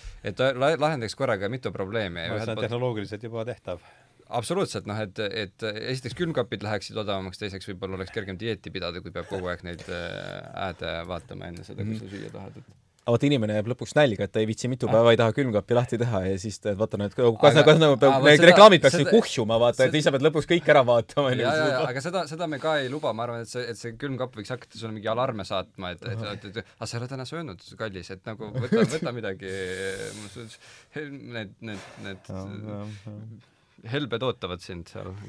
mulle tundub see, see üks suur teema, mille, mille ümber me siin kobame äh, ja mida me ei ole, seda terminit me ei ole täna mm, maininud, on, on lihtsalt see transhumanism. et mis, mida teie selle all üldse, üldse, üldse, üldse, üldse mõistate, et äh, et noh see on ju tõsi, see, see on ju see Silicon Valley, Silicon Valley kiriku niisugune tõsimeelne lubadus, nii palju kui nii või, või, või õigemini nii vähe, kui ma ennast tean, et mm. et mitte väga kauges tulevikus meid laetakse, meid laetakse kusagil kuhugi üles. et, et me siis muutume ja kui see on niimoodi, siis me ikkagi oleme masinad olemuslikult ja teine pool, mida tundub, kui nüüd tõmmata niisugune väga laia lauaga neid eh, piire, et see teine pool, mida siin esitab Kingsnoht, ütleb, et me oleme ikkagi eh, noh, lõppude lõpuks bioloogilised olendid, et mulle tundub, et üks niisugune äh, tõsine veelahe äh, läheb lä,, läheb sealt ja, ja noh, tõenäoliselt on ka see ka, miks ta mulle, miks see kogu jutt mulle korda läks, et mulle tundub, et see et me oleme selle Descartesi, jõudnud sellise Descartesi masina äh, filosoofia sellisesse lõpu, lõpuruudustikku, et, et mis siit, et kuhu see meid kannab ja et, et ma arvan, et see on, eh, Covid just tõi selle eh, noh, no minu jaoks oli ikka, ma veel kord rõhutan, et Covid oli minu jaoks selgelt apokalüptiline sündmus selles mõttes just, et äh, see katte eemaldamine, vau mm. -hmm. ma, ma, ma täpselt ei näe, kuidas transhumanism ja Covid seotud on, kas ma arvan, ikkagi see, no, no kas või mm. see, kas või võtame kas või selle väga lihtsalt, kas või see vaktsiini teema, et sa käi-, noh, vahepeal ma ei tea, mis, kuhu see jutt, kuhu see diskursus praegu jõudnud on, aga et käidki siis iga kolme kuu tagant oma, oma tarkvara uuendamas, no põhimõtteliselt ega seal ei ole ju väga äh, väga noh, ma, ma ei usu, et see paralleel on väga, väga otsitav. mulle tundub, et seal on ikkagi väga tugev olemuslik vahe sees, sest et äh va-, vaktsiin ei ole ju põhimõtteliselt, põhimõtteliselt midagi uut, inimesed tegid gripivaktsiini, mina tegin gripivaktsiini iga aasta enne, mhm. enne, enne kui Covid tuli. et ma ei tea, äh, ma üks, ma, ma lihtsalt mõtlen seda, et, et, et üks asi on kõik need poliitilised meetmed, mida võetakse vastu selleks, et nii-öelda mot-, motiveerida inimesi vaktsiine tegema ja sellest võib nagu eraldi rääkida, aga mm, -hmm. aga just see noh, vajadus äh, järjepidevalt äh, süstida vaktsiine, ma noh, ma, ma, ma, ma, ma selles asjaolus endas veel tingimata nagu nii suurt filosoofilist probleemi ei näe mm. -hmm. aga selle, ma ei tea, Andres, või mis sa aga tra-, räägi, noh räägi. aga, aga transhumanismina eraldi, eraldi võttes see, see tundub nagu, kui me rääkisime siin äh, sellest, et, et ütleme, ka-, ka-, kaasaeg on, on, on äh, kristlik ja mitte sekulaarne, siis siis mulle tundub, et see transhumanism on, on radikaalne platonism, mis läheb oma sellest platonistlikkusest, kristlusest veelgi kaugemale tegelikult mm. -hmm. sest et kristluses on ikkagi äh, on see igavese elu kontseptsioon loomulikult, mis on, mis on seal, mis on seal keskel ja aga, aga, aga see ei keha ole, see ikkagi keha ülestõusmine. keha ülestõusmine, just, just, just, just., et seal jääb ikkagi mingisugune materiaalne järjepidevus. ja see on huvitav, äh, sest et äh, ma uurisin seda teemat ja, ja äh, teise sajandi kristlikud autorid, nad nagu kuidagi kohe, kohe küüntega hoidsid kinni sellest ideest. kehalisuse printsiibist. kehalisuse printsiibist ja ma mõt-, ja, ja oli, oligi huvitav, et miks see niimoodi on, sest et, sest et äh, tolle nii-öelda ajastu standardite järgi see oli täiesti absurdne mõte. ja, ja Krist... mis, mis oli absurdne mõte, ütle? et, et keha tõuseb üles no vähemalt haritud inimese jaoks ja,, rahva, rahvas us, uskus igasuguseid asju, seda muidugi, aga aga no ütleme, selline filosoofiline kriitika Kristuse pihta, üks nendest äh, suurtest argumentidest, mida kasutatakse, vaadake, mis jaburust nad räägivad, nad räägivad, et Jumal tõstab üles inimese ihu. Ja see ihu on ju nii rõve ja vastik ja meil on igasugused ebameeldivad kehavedelikud ja haigused ja, ja kõik muu, et et kuidas võib Jumal, kes on mittemateriaalne, kes on noh, kes, kes elab seal noh, kuskil ideede maailmas eh,, tahta, et eh, selline ebaperfektne anum elab edasi, eks ole ta tahab meie hingi, aga mitte meie hingi ülendada, aga, aga mitte seda keha üles tõsta ja siis kristlased olid ei, ei, see ei ole nii. me ikkagi usume sellesse kehalisse ülestõusmisesse ja kohati see viis neid väga ütleme, rasketesse olukordadesse filosoofilises mõttes, sest et oli noh, oli argument, üks, üks, üks antiigis levinud argument oli see, et et kehaline ülestõusmine ei ole võimalik, sest et noh äh,, molekulid ja aatomid paratamatult liiguvad, mis siis, kui keegi sööb su ära? et, et ke, kelle rakud need siis lõpuks on ja kas, kas need on sinu omad või need on selle inimese omad, kes, kes su ära sõi, et, et et ke-, kelle jumal siis lõpuks üles tõstab. ja, ja, ja Atenagoras näiteks püüdis sellele kuidagi öö, väga piinlikult vastata, et noh, et kui sa teise inimese keha sööd, siis see sind ei kosuta ja nii edasi, noh, mingid, mingid, mingid jaburused tulid välja. aga nende jaoks oli see põhimõtteline küsimus, sest et see oli vahetult öö, seotud öö, nägemusega inimesest, nägemusega maailmast mm. -hmm. et inimeses ja maailmas on juba see potentsiaal olemas, kogu, kogu see hea, mida nii-öelda Jumal lõi, ta on siin. aga meil on mingisugune nagu haigus, mis takistab meil seda head real-, head potentsiaali realiseerimist ja nüüd, kui Jumal tagasi tuleb, siis tema nagu lahendab selle probleemi ära, aga ta ei hakka seda ära hävitama, vaid ta taassünnitab seda kuidagiviisi mm, -hmm. eks ole. ja, ja teiselt poolt oli, oli ka nagu see eetiline aspekt, et oli nagu gnostitsistlikud õpetused, mis väitsid, et kaks äärmust, kas, kas peab minema ekstreemsesse askeesi, sest et ihu on halb ja, ja kõike ihulist peab nagu piirama, või siis vastupidi eh,, oli, oli see idee, et eh, kuna ihu ja hing on lahutatud ja, ja ihu sureb nagunii, siis tee, mida tahad, aga su hing, noh, pääseb. ja, ja, ja, ja, ja Kristus püüdis hoida sellist nagu kuldset keskteed nende kahe äärmuse vahel, nad ütlesid, ei, keha on tähtis, nii nende heade asjade poolest, et me peame hoolima oma tervisest, me peame nautima seal, ma ei tea, mingisuguseid isegi toitu ja, ja ja muid asju, aga, aga mõõdukuse piirides. ja, ja teiselt poolt äh, on, on, on oluline ka pidada on, on oluline pidada kinni ka teatud eetikast, mis on vahetult nagu meie kehalisusega seotud, et, et, et see idee oli seal väga tugevalt sees mm. -hmm ja, ja nüüd transhumanism püüab nagu sellest, sellest kõigest lahti saada, et me tuleme jälle ja. nagu selle hinge idee juurde tagasi, et inimene ongi ainult tema hing, ta ei ole midagi enamat ja me saame teda replitseerida. ja hinge on võimalik laadida, laadida ja, ja, kuhugi ja, üles. kuigi, kuigi paradoksaalsel kombel tõenäoliselt enamik transhumaniste ei usu, et hing eksisteerib, aga, aga ehk siis hing on, midagi on siis digitaliseeritav? selleks informatsioon et... tõenäoliselt, tavaliselt räägitakse inf-, informatsioonist ja. nendest, nendes ringkondades, et ja palju teil seal äh, kas transhumanism sinu filosoofia õpingutes, mõtteelu õpingutes tuli üldse, oli see üldse teema, teemana üleval? ma olen seda sõna või terminit kuulnud, aga õpingutes kindlasti mitte. et äh, ei tegeletud üldse selliste äh, see, see ei ole filosoofide teema, ma õppisin lihtsalt Matemaatika Statistika Instituudis ja siis meil oli arvutiteadlastega palju kokkupuuteid, et, et see tuleb sealt ikkagi. ta nimetab, Kings, Kingsnach nimetab äh, Nick Bostrom on minu, jah, Bostrom, jah ja. ta nimetabki seda gnostiliseks hereesiaks vist seda, et see jah, jah, just, just., see on, see on äh, taaselustatud konstitsism, ma olen täiesti nõus selle hinnanguga. sul haakub, on ju. väga, väga täpne ja, määratlus. et põhimõtteliselt need kõik et need kõik need kirikuisade ja need kiriku sees olevad vaidlused tulevad jällegi uues kuues mm., uues, uues selles äh, uutes rõivastes meie ette, me lihtsalt ei tunne need ära. ei ole mitte midagi uut siin. ei ole midagi, nagu ka jah, ei ole, ei ole imestada ka, jah. nii, siis vaatame, mis me kellaaeg näitab siin, poolteist tundi juba läinud niikuinii juhti, et mm et äh, peab hakkama mõtlema nüüd selle, et see ühel, vestluse tuleb ühel hetkel ka lõppu. vaatame, kas meil on siin, aa!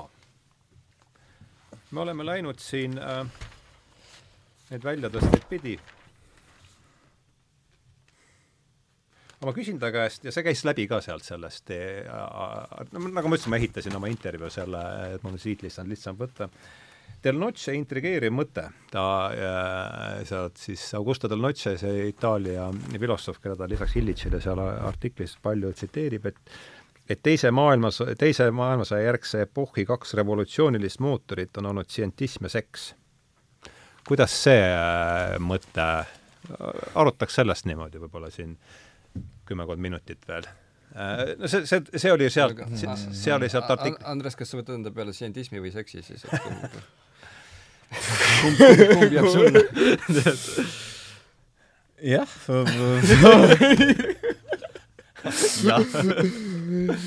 jah äh,, noh, ma, ma ei ole, ei ole kindel, ma olen nõus selle väitega, et või ma ei, ma ei, ma ei, ma ei tea, kas see pakub mulle nii-öelda piisavat sellist ähm, piisavalt rahuldust, rahuldavat kirjeldust, eks, sellest, mis meil, mis meil siin toimunud on viimasel ajal. aga ähm, mina ei tea nagu kuskil kinni hakata esimese hooga uh,. ei, ma, noh, selles mõttes, et äh, ähm, ma lugesin äh,, lugesin ka seda intervjuud, mis sa, mis mm -hmm. sa mhm. tegid Kingstonitiga, ma, ma ei ole, mulle ei tundu, noh äh,, et see seksi mõte, mis ta siis välja tõi seal, ta ütles, et, et me, et noh, kogu nagu diskursus äh, keskendub niisuguse äh, vabastuse ülistamisele, mulle tundub, et viimasel ajal see on pigem nagu, pigem, pigem vastupidi, et, et on just rohkem ju räägitud äh, sellisest nagu äh, äh, ärakasutamisest ja ahistamisest ja vägivallast ja nagu no, no teistest, teistest teemadest, et, et äh, ta noh, ma, ma, ma ei, mulle tundub, et Kingsnorth omistab äh, nendele teemadele nagu liiga äh, liiga suurt olemuslikku tähendust, et, et on, on nagu tähtsad aspektid, üks on, üks on vabadus ja siis teine, teine on nii-öelda teiste inimeste turvalisus ja siis see pendel käibki nagu nende teemade vahel ning, ning otsitakse nagu mingisugust tasakaalu, et mm -hmm. noh, jah, et, et ma ei ütleks, et see nagu iseloomustab kogu nagu ei ole nõus ühesõnaga rea-, reaalsus, mul, tundub, et me lihtsalt eri, eri, erinevatel aegadel me noh, natu-, ühiskond natuke eksperimenteerib erinevate reeglitega, eks mm -hmm. ole, no ja need reeglid muutuvad ju pidevalt, eks mm. -hmm. ja, ja, ja, ja näiteks mingisugused asjad äh, Äh, inimeste no, eraelu vabastamises on sellised, millega nõustub ka kõige, kõige suurem padukonservatiiv mm, -hmm. eks enam-vähem mitte keegi tänapäeval ei arva, et sa peaksid abielluma sellega, kes su seisusest äh, pärit on ja et kelle, kelle su, vanemad, su vanemad sinu jaoks valivad, et inimesed äh, usuvad noh, romantilisse armastusse, võib-olla teatud piirangutega, eks ole, aga need piirangud on ikka palju väiksemad ka kõige konservatiivsemate inimeste jaoks, kui nad olid sada aastat tagasi või kakssada aastat tagasi. E, ja, e, ja, ja, ja noh, et ma ei tea, see tundub nagu, nagu lihtsalt osa loomulikust arutelust, mitte tingimata selline pat-, noh, mit-, mitte nagu mingisugune eksistentsiaalne patoloogia, vaid äh,, vaid niisugune mm. pendli kõikumine ähm, siin on see väljatõste võib-olla, mis annaks rohkem äh, asjale sisu, et minu arvates on midagi väga kõnekat selles, et kahekümnenda sajandi radikaalsed individualistid on keskendunud ainuliselt seksuaalsele vabadusele see püüdlus on killustanud kõik ühiskondlikud struktuurid, alates rahvusest kuni perekonnani ja see on eriti oluline, ja tõmmanud tähelepanu kõrvale majandussuhetelt ja ülemklassilt. Äh, seksi kasutatakse kõikvõimalike asjade müügiks, nüüd on sellesse tõmmatud ka lapsed. ilmselt ta viitab sellele, et kui tuleb kaheteistkümneaastasel pähe idee, et täna ta tuleb ennast äh, tüdruku või poisina, siis on juba valmis keegi juba seal niimoodi appi tulema op-, asjakohase operatsiooniga, et mhm. äh, ka aga miks ma ei, ma ei, ma ei ole nagu selle väitega nõus, et või, või minu arust on küsitav, et et miks kõik kahekümnenda sajandi vabastusliikumised jaa, mulle tundub ka see väide kahtlane, et peab mingeid näiteid tooma ilmselt. või jah, et või ma ei saa näiteks, või ma mõtlen kas või noh, kuuekümnendate Ameerika peale, eks noh, mustanahaliste mm -hmm. küsimused, eks noh, mis, või mis roll seal see, no või, sest minule tundub, et vaata ta see käis, oli vist seal sees ka sees, et ta natuke ja, mainib ja, seda just nimelt, ta räägib just seal Ginsburgist ja kõik noh, see käib sealt läbi, eks. no ühelt poolt on see nagu kuuekümnendate hipiliikumine ja mm -hmm. kõik seda ja noh, ma seda ei saa ka kindlasti taandada seksile lihtsalt, et see on nagu ka nagu suur liialdus, aga, aga, aga teiselt poolt ma lihtsalt nagu noh, kas näiteks kui Eesti Vabariik näiteks iseseisvus üheksakümne esimesel aastal, see on ka teatud mõttes vabadus, vabadusliikumine, eks üks rahvas mingi noh, määras ennast mingisuguse mm -hmm. rahvusvahelise õiguse taustal. et noh, kus see suhe siin seksiga on või ma ei, nagu ei näe seda, et, et see sama küsimus. jah, et mhm. see nojah, äh, selle, ma ei tea, kes sellest, võib-olla üks, võib-olla ka üks võimalus sellele kuidagi mingit sisu anda, kes, ma ei mäleta, kes sellest äh, et kui äh, mis on see kõige, need kõige markantsemad, ilmselt McDonaldsis on see kõige, kõige äh, markantsem vahe siis äh, äh, selle tipu mm, noh, ütleme siis juhatuse liikme okay. ja selle väi-, vaese mm -hmm. kuradikese vahel, kes mm -hmm. neid äh, hamburgereid seal pakub, et mm -hmm. et mis vahe on siis õigupoolest selles, kui, kui äh, nüüd siis äh, McDonaldsi juhatusse ühel hetkel on siis, on kõik naised ja, ja noh, nagu see, või siis noh, võtame sealt vikerkaare lipu, lipust need äh, sobivad värvid, kui see kui see olemuslik vahe selle selle alumise, siis ütleme, see palgasuhe jääb samaks, et noh, ma arvan, et seal on see, see noh, ütleme, see on see, mille läbi mina oskan sellele mingi sisu taha mõelda. ja, ja aga see firma juhatuse liikmete teema on ju tegelikult pigem mingi väga, väga kitsa parempoolsete liberaalide Äh, sellise kihi temaatika, kas sulle ei tundu? et noh, et, et, et ütleme, kui me, kui, kui, kui me räägime isegi nagu päris vasakpoolsetest, siis mm -hmm. ma, ma, mul noh, mul oleks raske leida näidet vasak, tõesti vasakpoolsest filosoofiast, kes arvab, et, et see on tõesti suurim probleem, et, et CEO-d pole naised pole, või noh, või et, et naised on alaesindatud äh, firmajuhtide seas. et, et ma, ma ei tea, või noh, jällegi, et seda, seda, seda peab täpsustama, aga, aga et, et kin-, kin-, kindlasti, kindlasti on, on, on, on, on ka seda mõttelaadi mm, -hmm. aga, mhm. aga ma ei näe, et see oleks nagu absoluutselt domineeriv või et, et see oleks äh, ähm, just aga noh, jällegi nüüd jõudsime siin vasak- ja parempoolsete juurde, et see on üks teine asi, mis on nüüd eriti, mis mulle seal sellest loost kõrva hakkas, et võtame siit teise mõtte, mis te sellest arvate? et kui palju kui palju on neil üldse, kui palju on teil täna, tänapäeva maailmas selle vasakpoolsusele, parempoolsusele üldse jäänud äh, sisu taha? et see, see on nüüd sellest intervjuust, et tavaliselt oleme pidanud loomulikuks, et vasakpoolsetele teeb muret korporatsioonide ja riigi kokkukasvamine ja võimumonopol. tsensuur meedias ja muud asjad, millest nad on aastaid rääkinud. ühtäkki pooldasid nad neid kõiki. ma olin rabatud, kui nägin, kuidas ma, et, et mu vasakpoolsed sõbrad kaitsesid Pfizeri võltsitud ratsaandmeid Justin Trudeau, Trudeau samme veojuht, veokijuhtide vastu ja vaktsiinipasse ning kutsusid üles tõhustama tsensuuri sotsiaalmeedias, et et see on, noh, see on ka asi, mis minule niimoodi kõrv-, noh, kui palju me siit kõrvaltvaatajad ja seesolijad olime, et see oli niisugune, see oli niisugune noh, huvitav, huvitav, et seda ütles vist Peterson, et et järsku ta kuuleb, et, et trust big pharma, et oh really? Et äh, et kus nüüd järsku see ma küsiks teisipidi, aga kus, kus on need konservatiivid, kes äh, usaldasid su suurettevõtteid ja nüüd järsku muutusid skeptiliseks nende suhtes, et kas see ei ole, no see on nagu mõlemat? see tõenäoliselt, tõenäoliselt küll jah, tõenäoliselt küll jah, aga et kui palju, mis no veel, nõus, isegi, isegi kui on siin, aga mis, mida siis tähendavad tänapäeval üldse Äh, sõnad vasak- ja parempoolsed ja kus on siis see reaalne mm, -hmm. kus on siis see reaalne, sest noh, see ilmselgelt midagi lahutab, see kultuurisõja, kui me seda niimoodi nimetame mm, -hmm. kahte osapoolt, et et, et noh, tundub, et vasak- ja parempoolsusest meil ei ole siin nii, et tegelikult, mis on siis see, millest jutt käib üldse? see on see miljoni dollari küsimus ja, ja. sealt edasi kümne miljoni dollari küsimus on see, et kes on siis see tsentrist, eks ole, et, et kuidas ja. me määratleme need äärmused, kui üks, üks näiteks parem äärmus ütleb, et, et ajame kõik juudid gaasikambrisse, siis äh, vasak äärmus ütleb, et, et kohtleme neid võrdsete ühiskonnaliikmetena, siis see kesktee on see, et kiusame, aga na-, aga natukene, et mitte, mitte liiga palju, et ainult, ainult ütleme aeg-ajalt pogrommid, aga sellest piisab, et ei pea kõiki hävitama, noh et, et, et, et, et selle, see, see, see paigutus kirjutus ise on juba mingisuguse ideoloogia väljendus ju paratamatult mm. -hmm nojah, et minu, minu küsimus on see, et kuivõrd jällegi on abi üldse vasak parem, noh, nagu Ardo sinu küsimuse püstitus just, et, et kui palju on abi selle kahepooluse sissetoomisest. et need on lihtsalt mingisugused tühjad tähistajad, millega mm. opereeritakse, nad on esiteks, nad on geograafiliselt nii erinevad, nad tähendavad totaalselt erinevaid asju Euroopas või Ameerika vahel või noh, kui üldse minna ma ei tea, Aasiasse, jumal teab, mida seal, eks noh, nende terminitega märgitakse ja teine asi on kindlasti see, et, ähm, et äh, sellist klassikalist äh, ideoloogiat surma nähti, eks juba Nõukogude Liidu kokkuvarisemisega ja, ja noh, paljud nägid ka varem, et äh, see end of ideology, eks, kui sul on mingisugused klassikalised suured narratiivid, mida esindavad siis mingisugused maailma polaarsused või mingid süsteemid, või isegi tegelikult võib teiselt moodi mõelda, et kui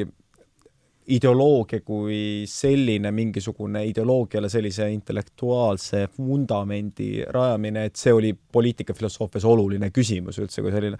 et noh, et tänapäeval me ei, noh, loomulikult tegeletakse nende küsimustega, aga nendega tegeletaksegi selliste suuremate raamistike kuidagi nagu väliselt, et keegi või noh, kindlasti on jällegi inimesi, kes tahavad mõelda nendes klassikalistes ideoloogilistes raamistikes, aga nad on nagu minu jaoks, nad on need igasugused ismid tekitavad minu jaoks väga suuri kõhklusi, et mina olen nagu hästi skepti-, hästi-hästi, et äh, nad, esiteks nad on kõik äh, sellise normatiivse tüübiga, nad tahavad ette kirjutada, teiselt poolt nad tahavad äh, luua oma sellist neutraalset pinnast äh, debati kehtestamiseks või noh, neutraalset pinnast ma mõtlen nüüd sellega, et teha oma aluseeldused, alusväited maailma kohta sellisena, nagu ta äh,, nagu ta on.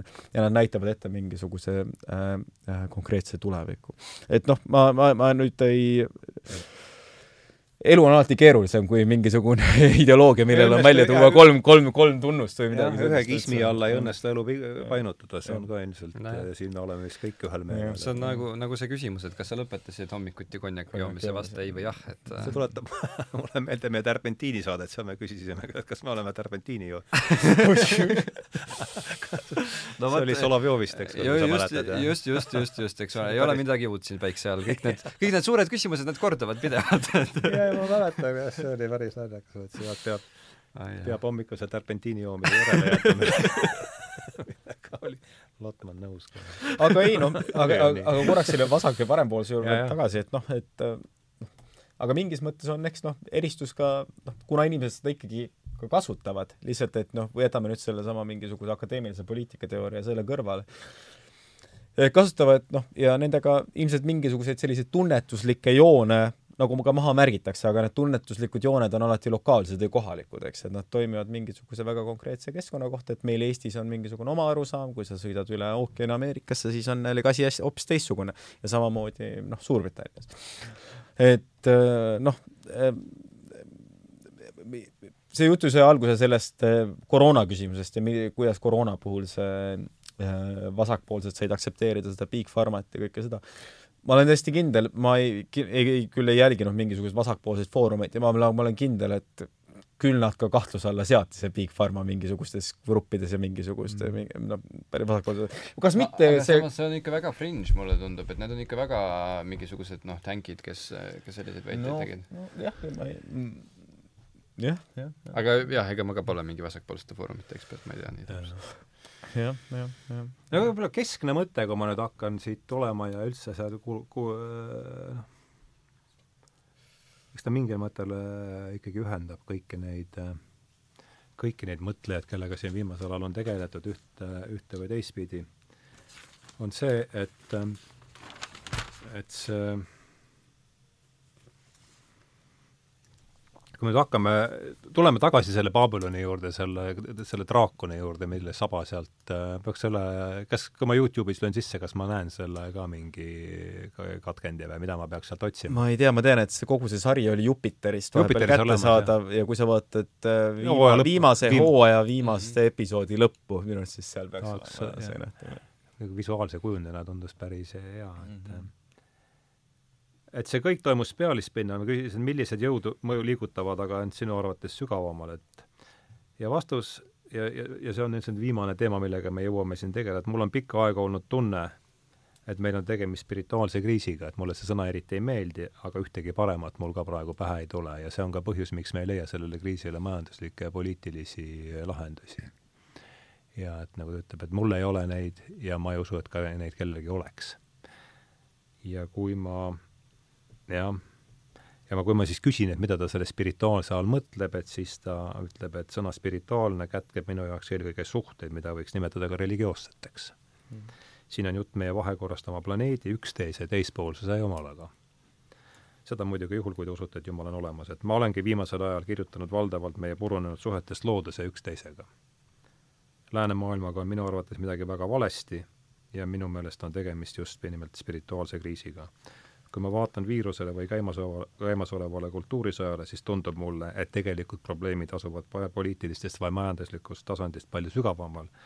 Ja see on ka põhjus, miks me ei leia nendele poliitilisi ega majanduslikke lahendusi, et äh, mis äh, märksõna spirituaalne kriis, mida see äh, teie arvates võiks tähendada, noh, mida ma, mina sain aru, et see käib just selle suhete see ikkagi eeldab, ma arvan, mulle tundub, et see eeldab ikkagi mingit äh, tajumustrite või üldse ikkagi põhjalikku ma ei teagi, mida see tähendab, ma jätaks äh, siin oma kasutada võimalust ja visata palle äh, mängida sööduga spirituaalne kriis. sa käisid just kontseptsiooniloo seminaril, sina võid kontseptsioone nüüd lahti seletada mida, mida, no nii, Andres, defineeri ära, et aga mõtle natuke, sa, sul ongi läiub kiiremini mõtlema täna, et sa võid proovida um,.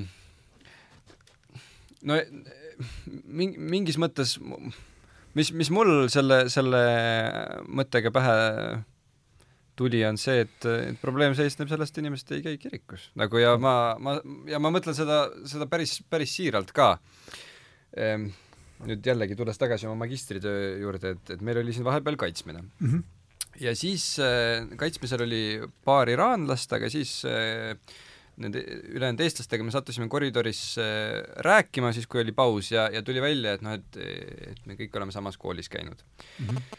ja mm, mida elu edasi, seda rohkem ma näen enda ümber inimesi, kes on kolmest-neljast Tallinna koolist ja veel Hugo Treffneri gümnaasium Tartust mm. -hmm. Ja see on natuke murettekitav tendents, et miks niimoodi on, et, et noh, kuskil äh, Mats Tati magistritasandil või siis mingites äh,, mingitel olulistel ametikohtadel on nii nagu kitsas, kitsas ring inimesi, et, et, et, et see võiks ju, võiks ju teisiti olla ja kuidagi võrdsemalt jaotatud, kui, kui me vaatame, kui me vaatame neid samu professoreid, kes meil ülikoolis on, üks on Võrus, teine on, teine on kuskilt äh, ma ei tea, Tallinna Lilleküla gümnaasiumist ja nii edasi, et, et, et, et see jaotus oli varem par-, palju, palju ühtlasem, palju võrdsem.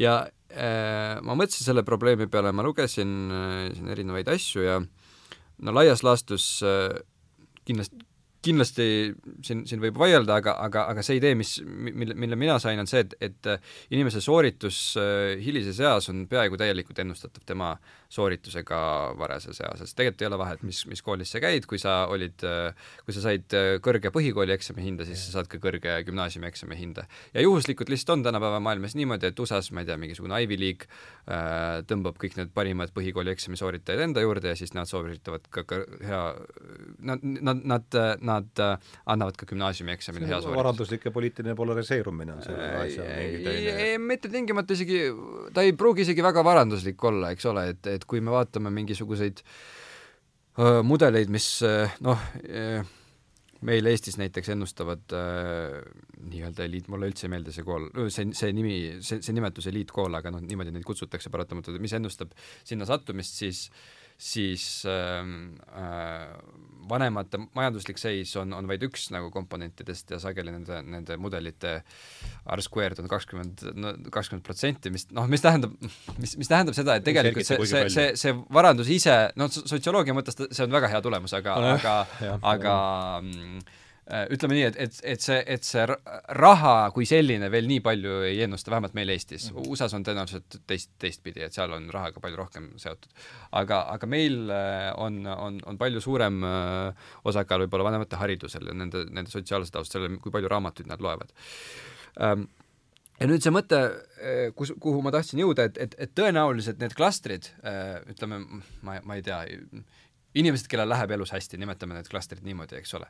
et nad tekivad nagunii ja küsimus selles, kas nad tekivad küll kolm aastat varem või kolm aastat hiljem, see, see, see juhtub sõltumata sellest, kas nad käivad eh, eliitkoolis või ei käi. eliit tundub olevat niimoodi ehitatud eh, tundub, tundub nii jah, noh see eh, ja, ja kus see, kus see probleem tekib, et noh, see, see, see klastri tekkimine on tõenäoliselt vältimatu probleem. eks see on see, mille täpselt, millest me rääkisime Mattuse printsiibis ju. jah. täpselt no, sama teema no,, eks ole. me tuleme kogu aeg vanade küsimuste juurde tagasi, eks ole aga, aga nüüd probleem seisneb selles, et, et äh, kus on see keskkond, kus sa puutud ennast, endast teistsuguste inimestega, kellel ei, ei läinud elus nii hästi, eks ole. ja kui varem äh, võib-olla, ma ei tea, üheksateistkümnendal sajandil oli küla, seal oli, keegi oli jõukam, keegi oli äh,, keegi oli, ma ei tea, kellelgi läks halvemini elus, keegi oli haige, keegi oli rumal, keegi oli tark, aga nad kõik läksid, äh, ma ei tea, külakoosolekule, läksid koos kirikusse ja, ja nad pidid õppima Nad olid osa kogudusest. jaa, nad olid samast kogudusest, nad pidid õppima üksteisest hoolima, üksteist armastama eks ole. ja, ja, ja see on äh, ka mu nagu isiklik selline koguduse kogemus on see, et et äh, ma puutun kokku inimestega, kelle probleemid elus on, on erinevad väga tugevalt minu probleemidest mm -hmm. ja kelle kogemus erineb väga tugevalt minu kogemusest ja, ja, ja, ja vastupidi, nendel, nendel on sama suhe minuga ja me õpime kõik koos selles kogukonnas üksteisest hoolima, üksteist aktsepteerima, üksteise muresid kuulama, vaatamata kõikidele nendele erimeelsustele, mis meil eksisteerivad väljaspoolt seda kogukonda, eks ole. ja äh, küsimus on selles, et et kuidas midagi sellist taaselustada, kus me mm. võimegi nagu istuda ühe laua taha ja, ja me võimegi noh, et, et, et võib-olla ma ei tea, üks on seal ma, mi, mina, mina võin olla sotside valija ja mu kogukonnakaaslane võib olla EKRE valija, aga kuidas me õpime siin samas ruumis üksteisest hoolima? ja kuidas me osaleme teineteise elus niimoodi, et ei ole, et sul on mingisugune üks otsustajate kamp, kes äh, mõtlevad välja, et mis on kõigi, kõigi teiste jaoks hea, neid, neid tingimata nagu kuulamata ja, ja see, see on suur küsimärk, sest et äh, noh, me ei saa sundida inimesi kirikus käima nii-öelda ja, ja teistpidi jama veel. ja, ja te, absoluutselt ja, ja ega, ega see üheksateistkümnenda sajandi külakogukond ei ole ka teab mis paradiis, noh et, et seal tekivad jällegi oma probleemid. ja, ja, ja, ja, ja, ja see on lahtine küsimus, sellele ei saa vastata poliitiliselt ega majanduslikult, nagu ütles Kingsnorth, see on mingisugune otsus, mida igaüks peab individuaalselt kuidagi vastu võtma ja võib-olla noh, kindlasti saab luua soodustavaid programme, mis, mis, mis sedalaadi kogukondade teket soodustaksid. aga, aga lõppkokkuvõttes noh, kui, kui suur nende mõju on, tõenäoliselt väike, eks. ja ma olen Mikliga hästi nõus selle ja mina ka. sellise tore, sellise äh, koguduse funktsiooni vajaduse osas, kus inimesed saaksid erinevatest taustadest, taustadest kokku, erinevatest taustadest kokku tulla ja ja siis teineteist näha mingisugusel sellisel tasandil, milles nad siis kas nõustuvad või mida nad vähemalt äh, teineteisega jagavad.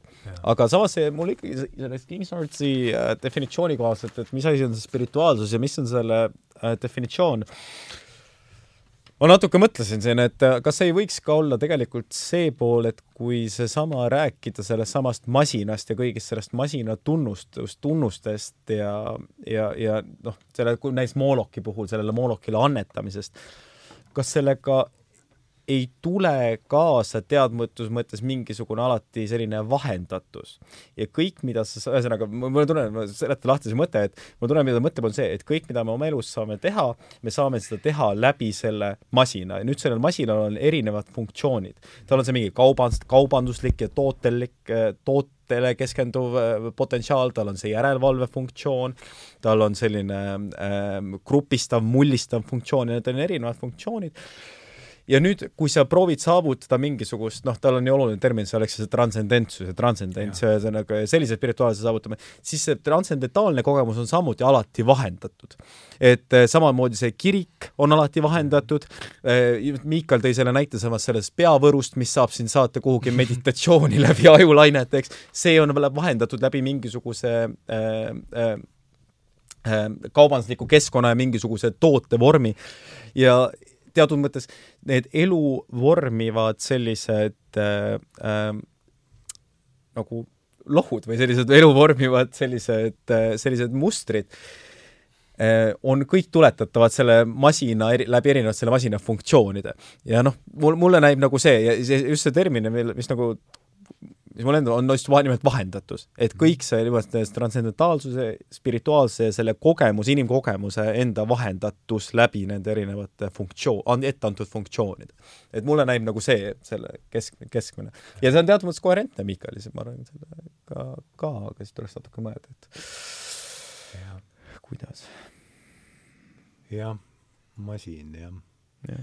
ei, see, see kõlab jah väga ja noh, siis on jällegi küsimus, mis need kogudused siis kokku toob, eks, mis on see äh, kas on see siis mingi ühine probleem, mis inimesi mm -hmm. seob, või on see mingi ühine noh, mingil määral seob meil kõik ühine probleem, kuidas me siin üks isekeskis hakkama saame, eks.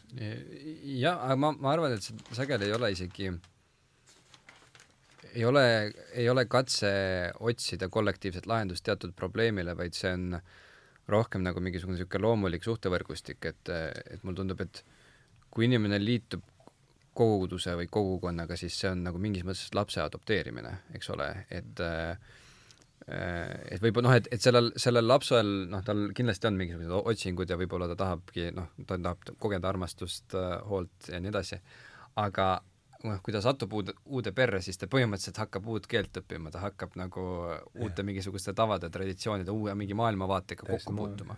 ja kuskilt ta peab tegema selle valiku, kas ma tahan sellega, kas ma, no nüüd, kui ma olen sellest, sellest äh, maailmavaatest aru saanud, kas ma tahan sellega kaasas käia ja kas ma tahan sellega jääda aga sa nagu kasvad selle sisse, et see ei ole tingimata nagu ükskõik, kas sa oled pöördunud, uuspöördunu või kas sa oled sündinud sellesse usku, siis, siis see on ikkagi nagu see sissekasvamine ja alles seal olles sa saad aru sellest probleemist. Sten Hauerwas ütles, et enne kui rääk-, me ei saa rääkida patust enne, kui inimene on pöördunud et see, see on probleem, sest sa ei saa seletada pattu inimesele, kes ei ole usklik nagu mingis mõttes, see, see, see, see ei toimi noh, kuigi hästi. ja äh, ja see teeb tegelikult selle probleemi veelgi keerulisemaks, eks ole, et kui me hakkame, hakkame mõtlema nüüd koguduste sekulaarseid analoogia, kuidas neid luua, siis, siis see on taas väga-väga keeruline, sest et noh, seal ei ole mingit keskset probleemi, mida lahendada, sa satud, sa satud mingisse kogukonda ja siis sa hakkad nendest, nendest probleemidest mõtlema, et, et ta käib võib-olla teistpidi mm. -hmm. Hauerwas, jah, meil on meil on äh, video, video ja, ja esimene ja. playlist äh, kõige küsitavamast on esimene play, esimene on, et mida tähendab olla inimene. see on hea, see on hea klipp, Havarvas on mulle, kuulasin nende vahepeal väga suure hoolega. sa oled temaga palju kokku puutunud? no natuke olen lugenud, ega ma, ma ei ole mis sa, mida sa lugesid? tal, ta on, ta on ju esseist põhiliselt, ma olen erinevaid esseid lugenud, siis ma olen lugenud tema raamatut äh, sellest Ameerika kodusõjast ja siis oh, üks ta, ta on kirjutatud kodu, kodusõjast raamatu või? jaa, jaa, ei no ta, no ta, see ei ole nagu ajalooraamat, see on nagu teoloogiline mõtestamine põhimõtteliselt, et, et ta oskad sa pealkirja nimetada? oh äh,, kui sa, kui ma, kui sa mulle kaks minutit annad, siis ma, siis ma, siis ma leian selle üles, kas see oli uh, Hauer was midagi American Difference või midagi? Hauer was ma olen seda luge-, ma ei ole seda, Hannas Child oli see, mida mina lugesin, see oli see mul War and the American Difference on selle War and the American Difference. jaa, Theological Reflections on Violence and National Identity on selle mm., on selle raamatu nimi. War and the American Difference. jah. no seal ta räägib, et äh, ta, tal on, tal on, tal on seal mitu huvitavat sententsi, näiteks midagi stiilis, et äh, äh, ameeriklane on see, kelle narratiiv enda kohta on see, et tal pole narratiivi või noh, et klassikaline. jah, just kuulge, aga nüüd hakkab juba saama täis teine tund ja ega siis me ei saa ka panna kuulajate, kuulajate mm, vastupanuvõimet äh, li-, liigsele äh, proovile, et katsume nüüd paari minuti jooksul asja kokku võtta, et äh, üks viimane küsimus, et mis te enda jaoks sellest jutuajamisest siiani kaasa võtate? Ma vaatan, mis ma pean ka vastama sellele küsimusele tõenäoliselt hmm. mida polnud varem mõelnud, mis see, see, see, sellele on raske vastata, sest et, sest et äh, Andrese mõtteid ma kuulasin eile juba tegelikult, kui ta minu juures käis ja sinu mõtteid ma, või ja sina esitasid küsimusi põhiliselt täna, eks ole. Mhm. aga äh, ma ütleks ikkagi, et see, mida, mida Andres ütles nagu Prantsuse, Prantsuse revolutsiooni kohta, et noh, et või no see, see, seesama äh, äh, valgustusprojekti katse, et sa alustad ja siis äh, ta jõuab kuskile apogeesse ja, ja, ja, ja saab läbi, et mm -hmm. et see on ikkagi küsimus, kuidas äh,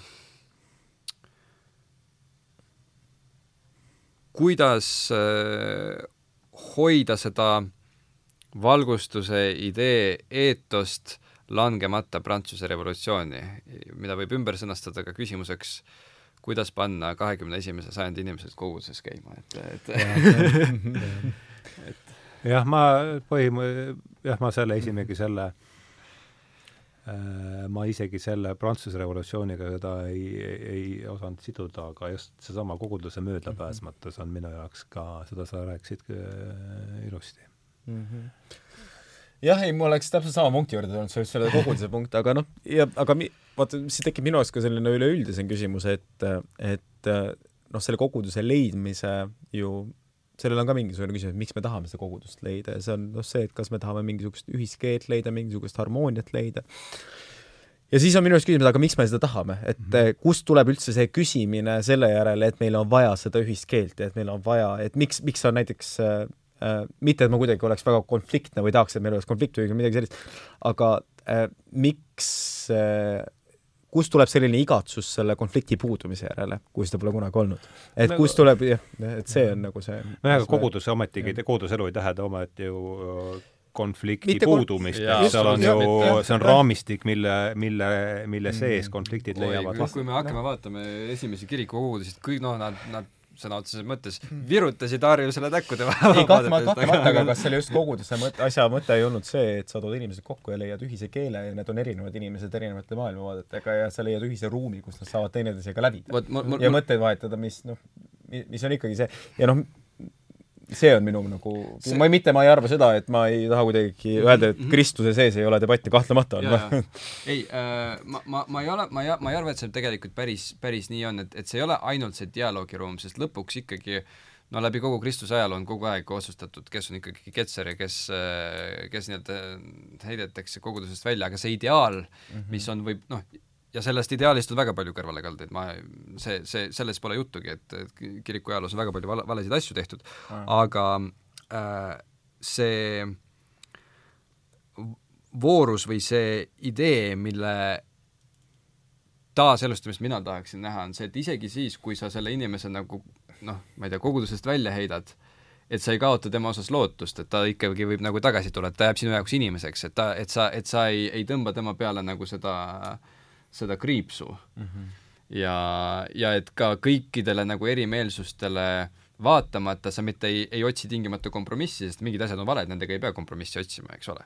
aga sa ei näe inimese eksimustes tema essentsi või tema nagu olemus, olemuslikku identiteeti. seda ütles keegi kirikuisadest, et tuleb eristada teineteist inimest ja tema ja kurjust, mis elab tema sees või midagi sellist, mulle ma, ma arvan, et seda ütlesid kindlasti mitu kirikuisa, eks ole. see ei ole väga see, see on, see on, see jah, et, et see on, see on väga intuitiivne mõte, aga ma hiljuti lugesin Rowan Williamsi raamatut Looking, Looking East in Winter on selle nimi ja uh, Looking East in, in Winter ja mm -hmm. siis ta, ta vist kir-, ma ei mäleta, mis kirik, vist oli Maximas usu, usutunnistaja, kes, kes kirjeldas nagu selle inimese probleemi ja siis ta ütles, et, et uh, sin is a problem of perception, et, et et see ei ole, et inimene on ikkagi hea ja maailm on ikkagi hea aga uh, nii-öelda patt või inimese rikutus on tegelikult see võimatus näha maailmas seda Jumala illu, mis ta on sinna sisse pannud. ja mhm. võib-olla mhm. ideaalis uh, koguduse missioon võiks olla selle ilu läbinägemine. jah. mitte mitte ainult koguduse, inimkonna jaa.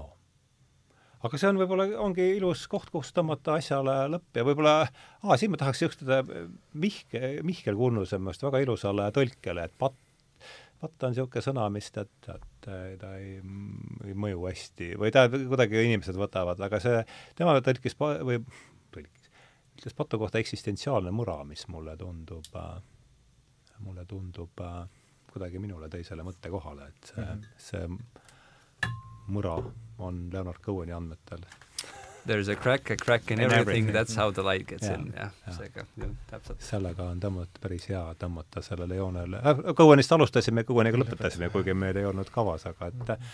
suur aitäh, äh, Mikael Reichelgauts, äh, Andres Reimann oli suur rõõm teiega siin niimoodi lobiseda hilisel õhtutunnil ja, ja nüüd on siis sellel vestlusel joon all, aitäh Kaiele puldis, aitäh äh, kõigile neile, teile, kes te olete selle saate teinud võimalikuks ja me läheme siis siit täna lahku veel suuremate sõpradena, kui me enne olime. jaa, suur, suur tänu kutsumast. aga siin on see küsimus veel, et kas sa, kas me praegu kuulutame selle noorte hääle ka välja või kuidas, kuidas see toimiks äh,? Arutame seda, arutame, arutame seda kaadrit taga, aga see oli üks varja, varjatud mõte küll siin, et me, mhm. meil on selles lehes noorte noorte häälerubriik ja, ja plaanis on, või vähemasti oleme rääkinud sellest, et teha ka midagi sarnast siin selles selles, selles ringis. nii et tänaseks on siis jutul kriips all mm. -hmm.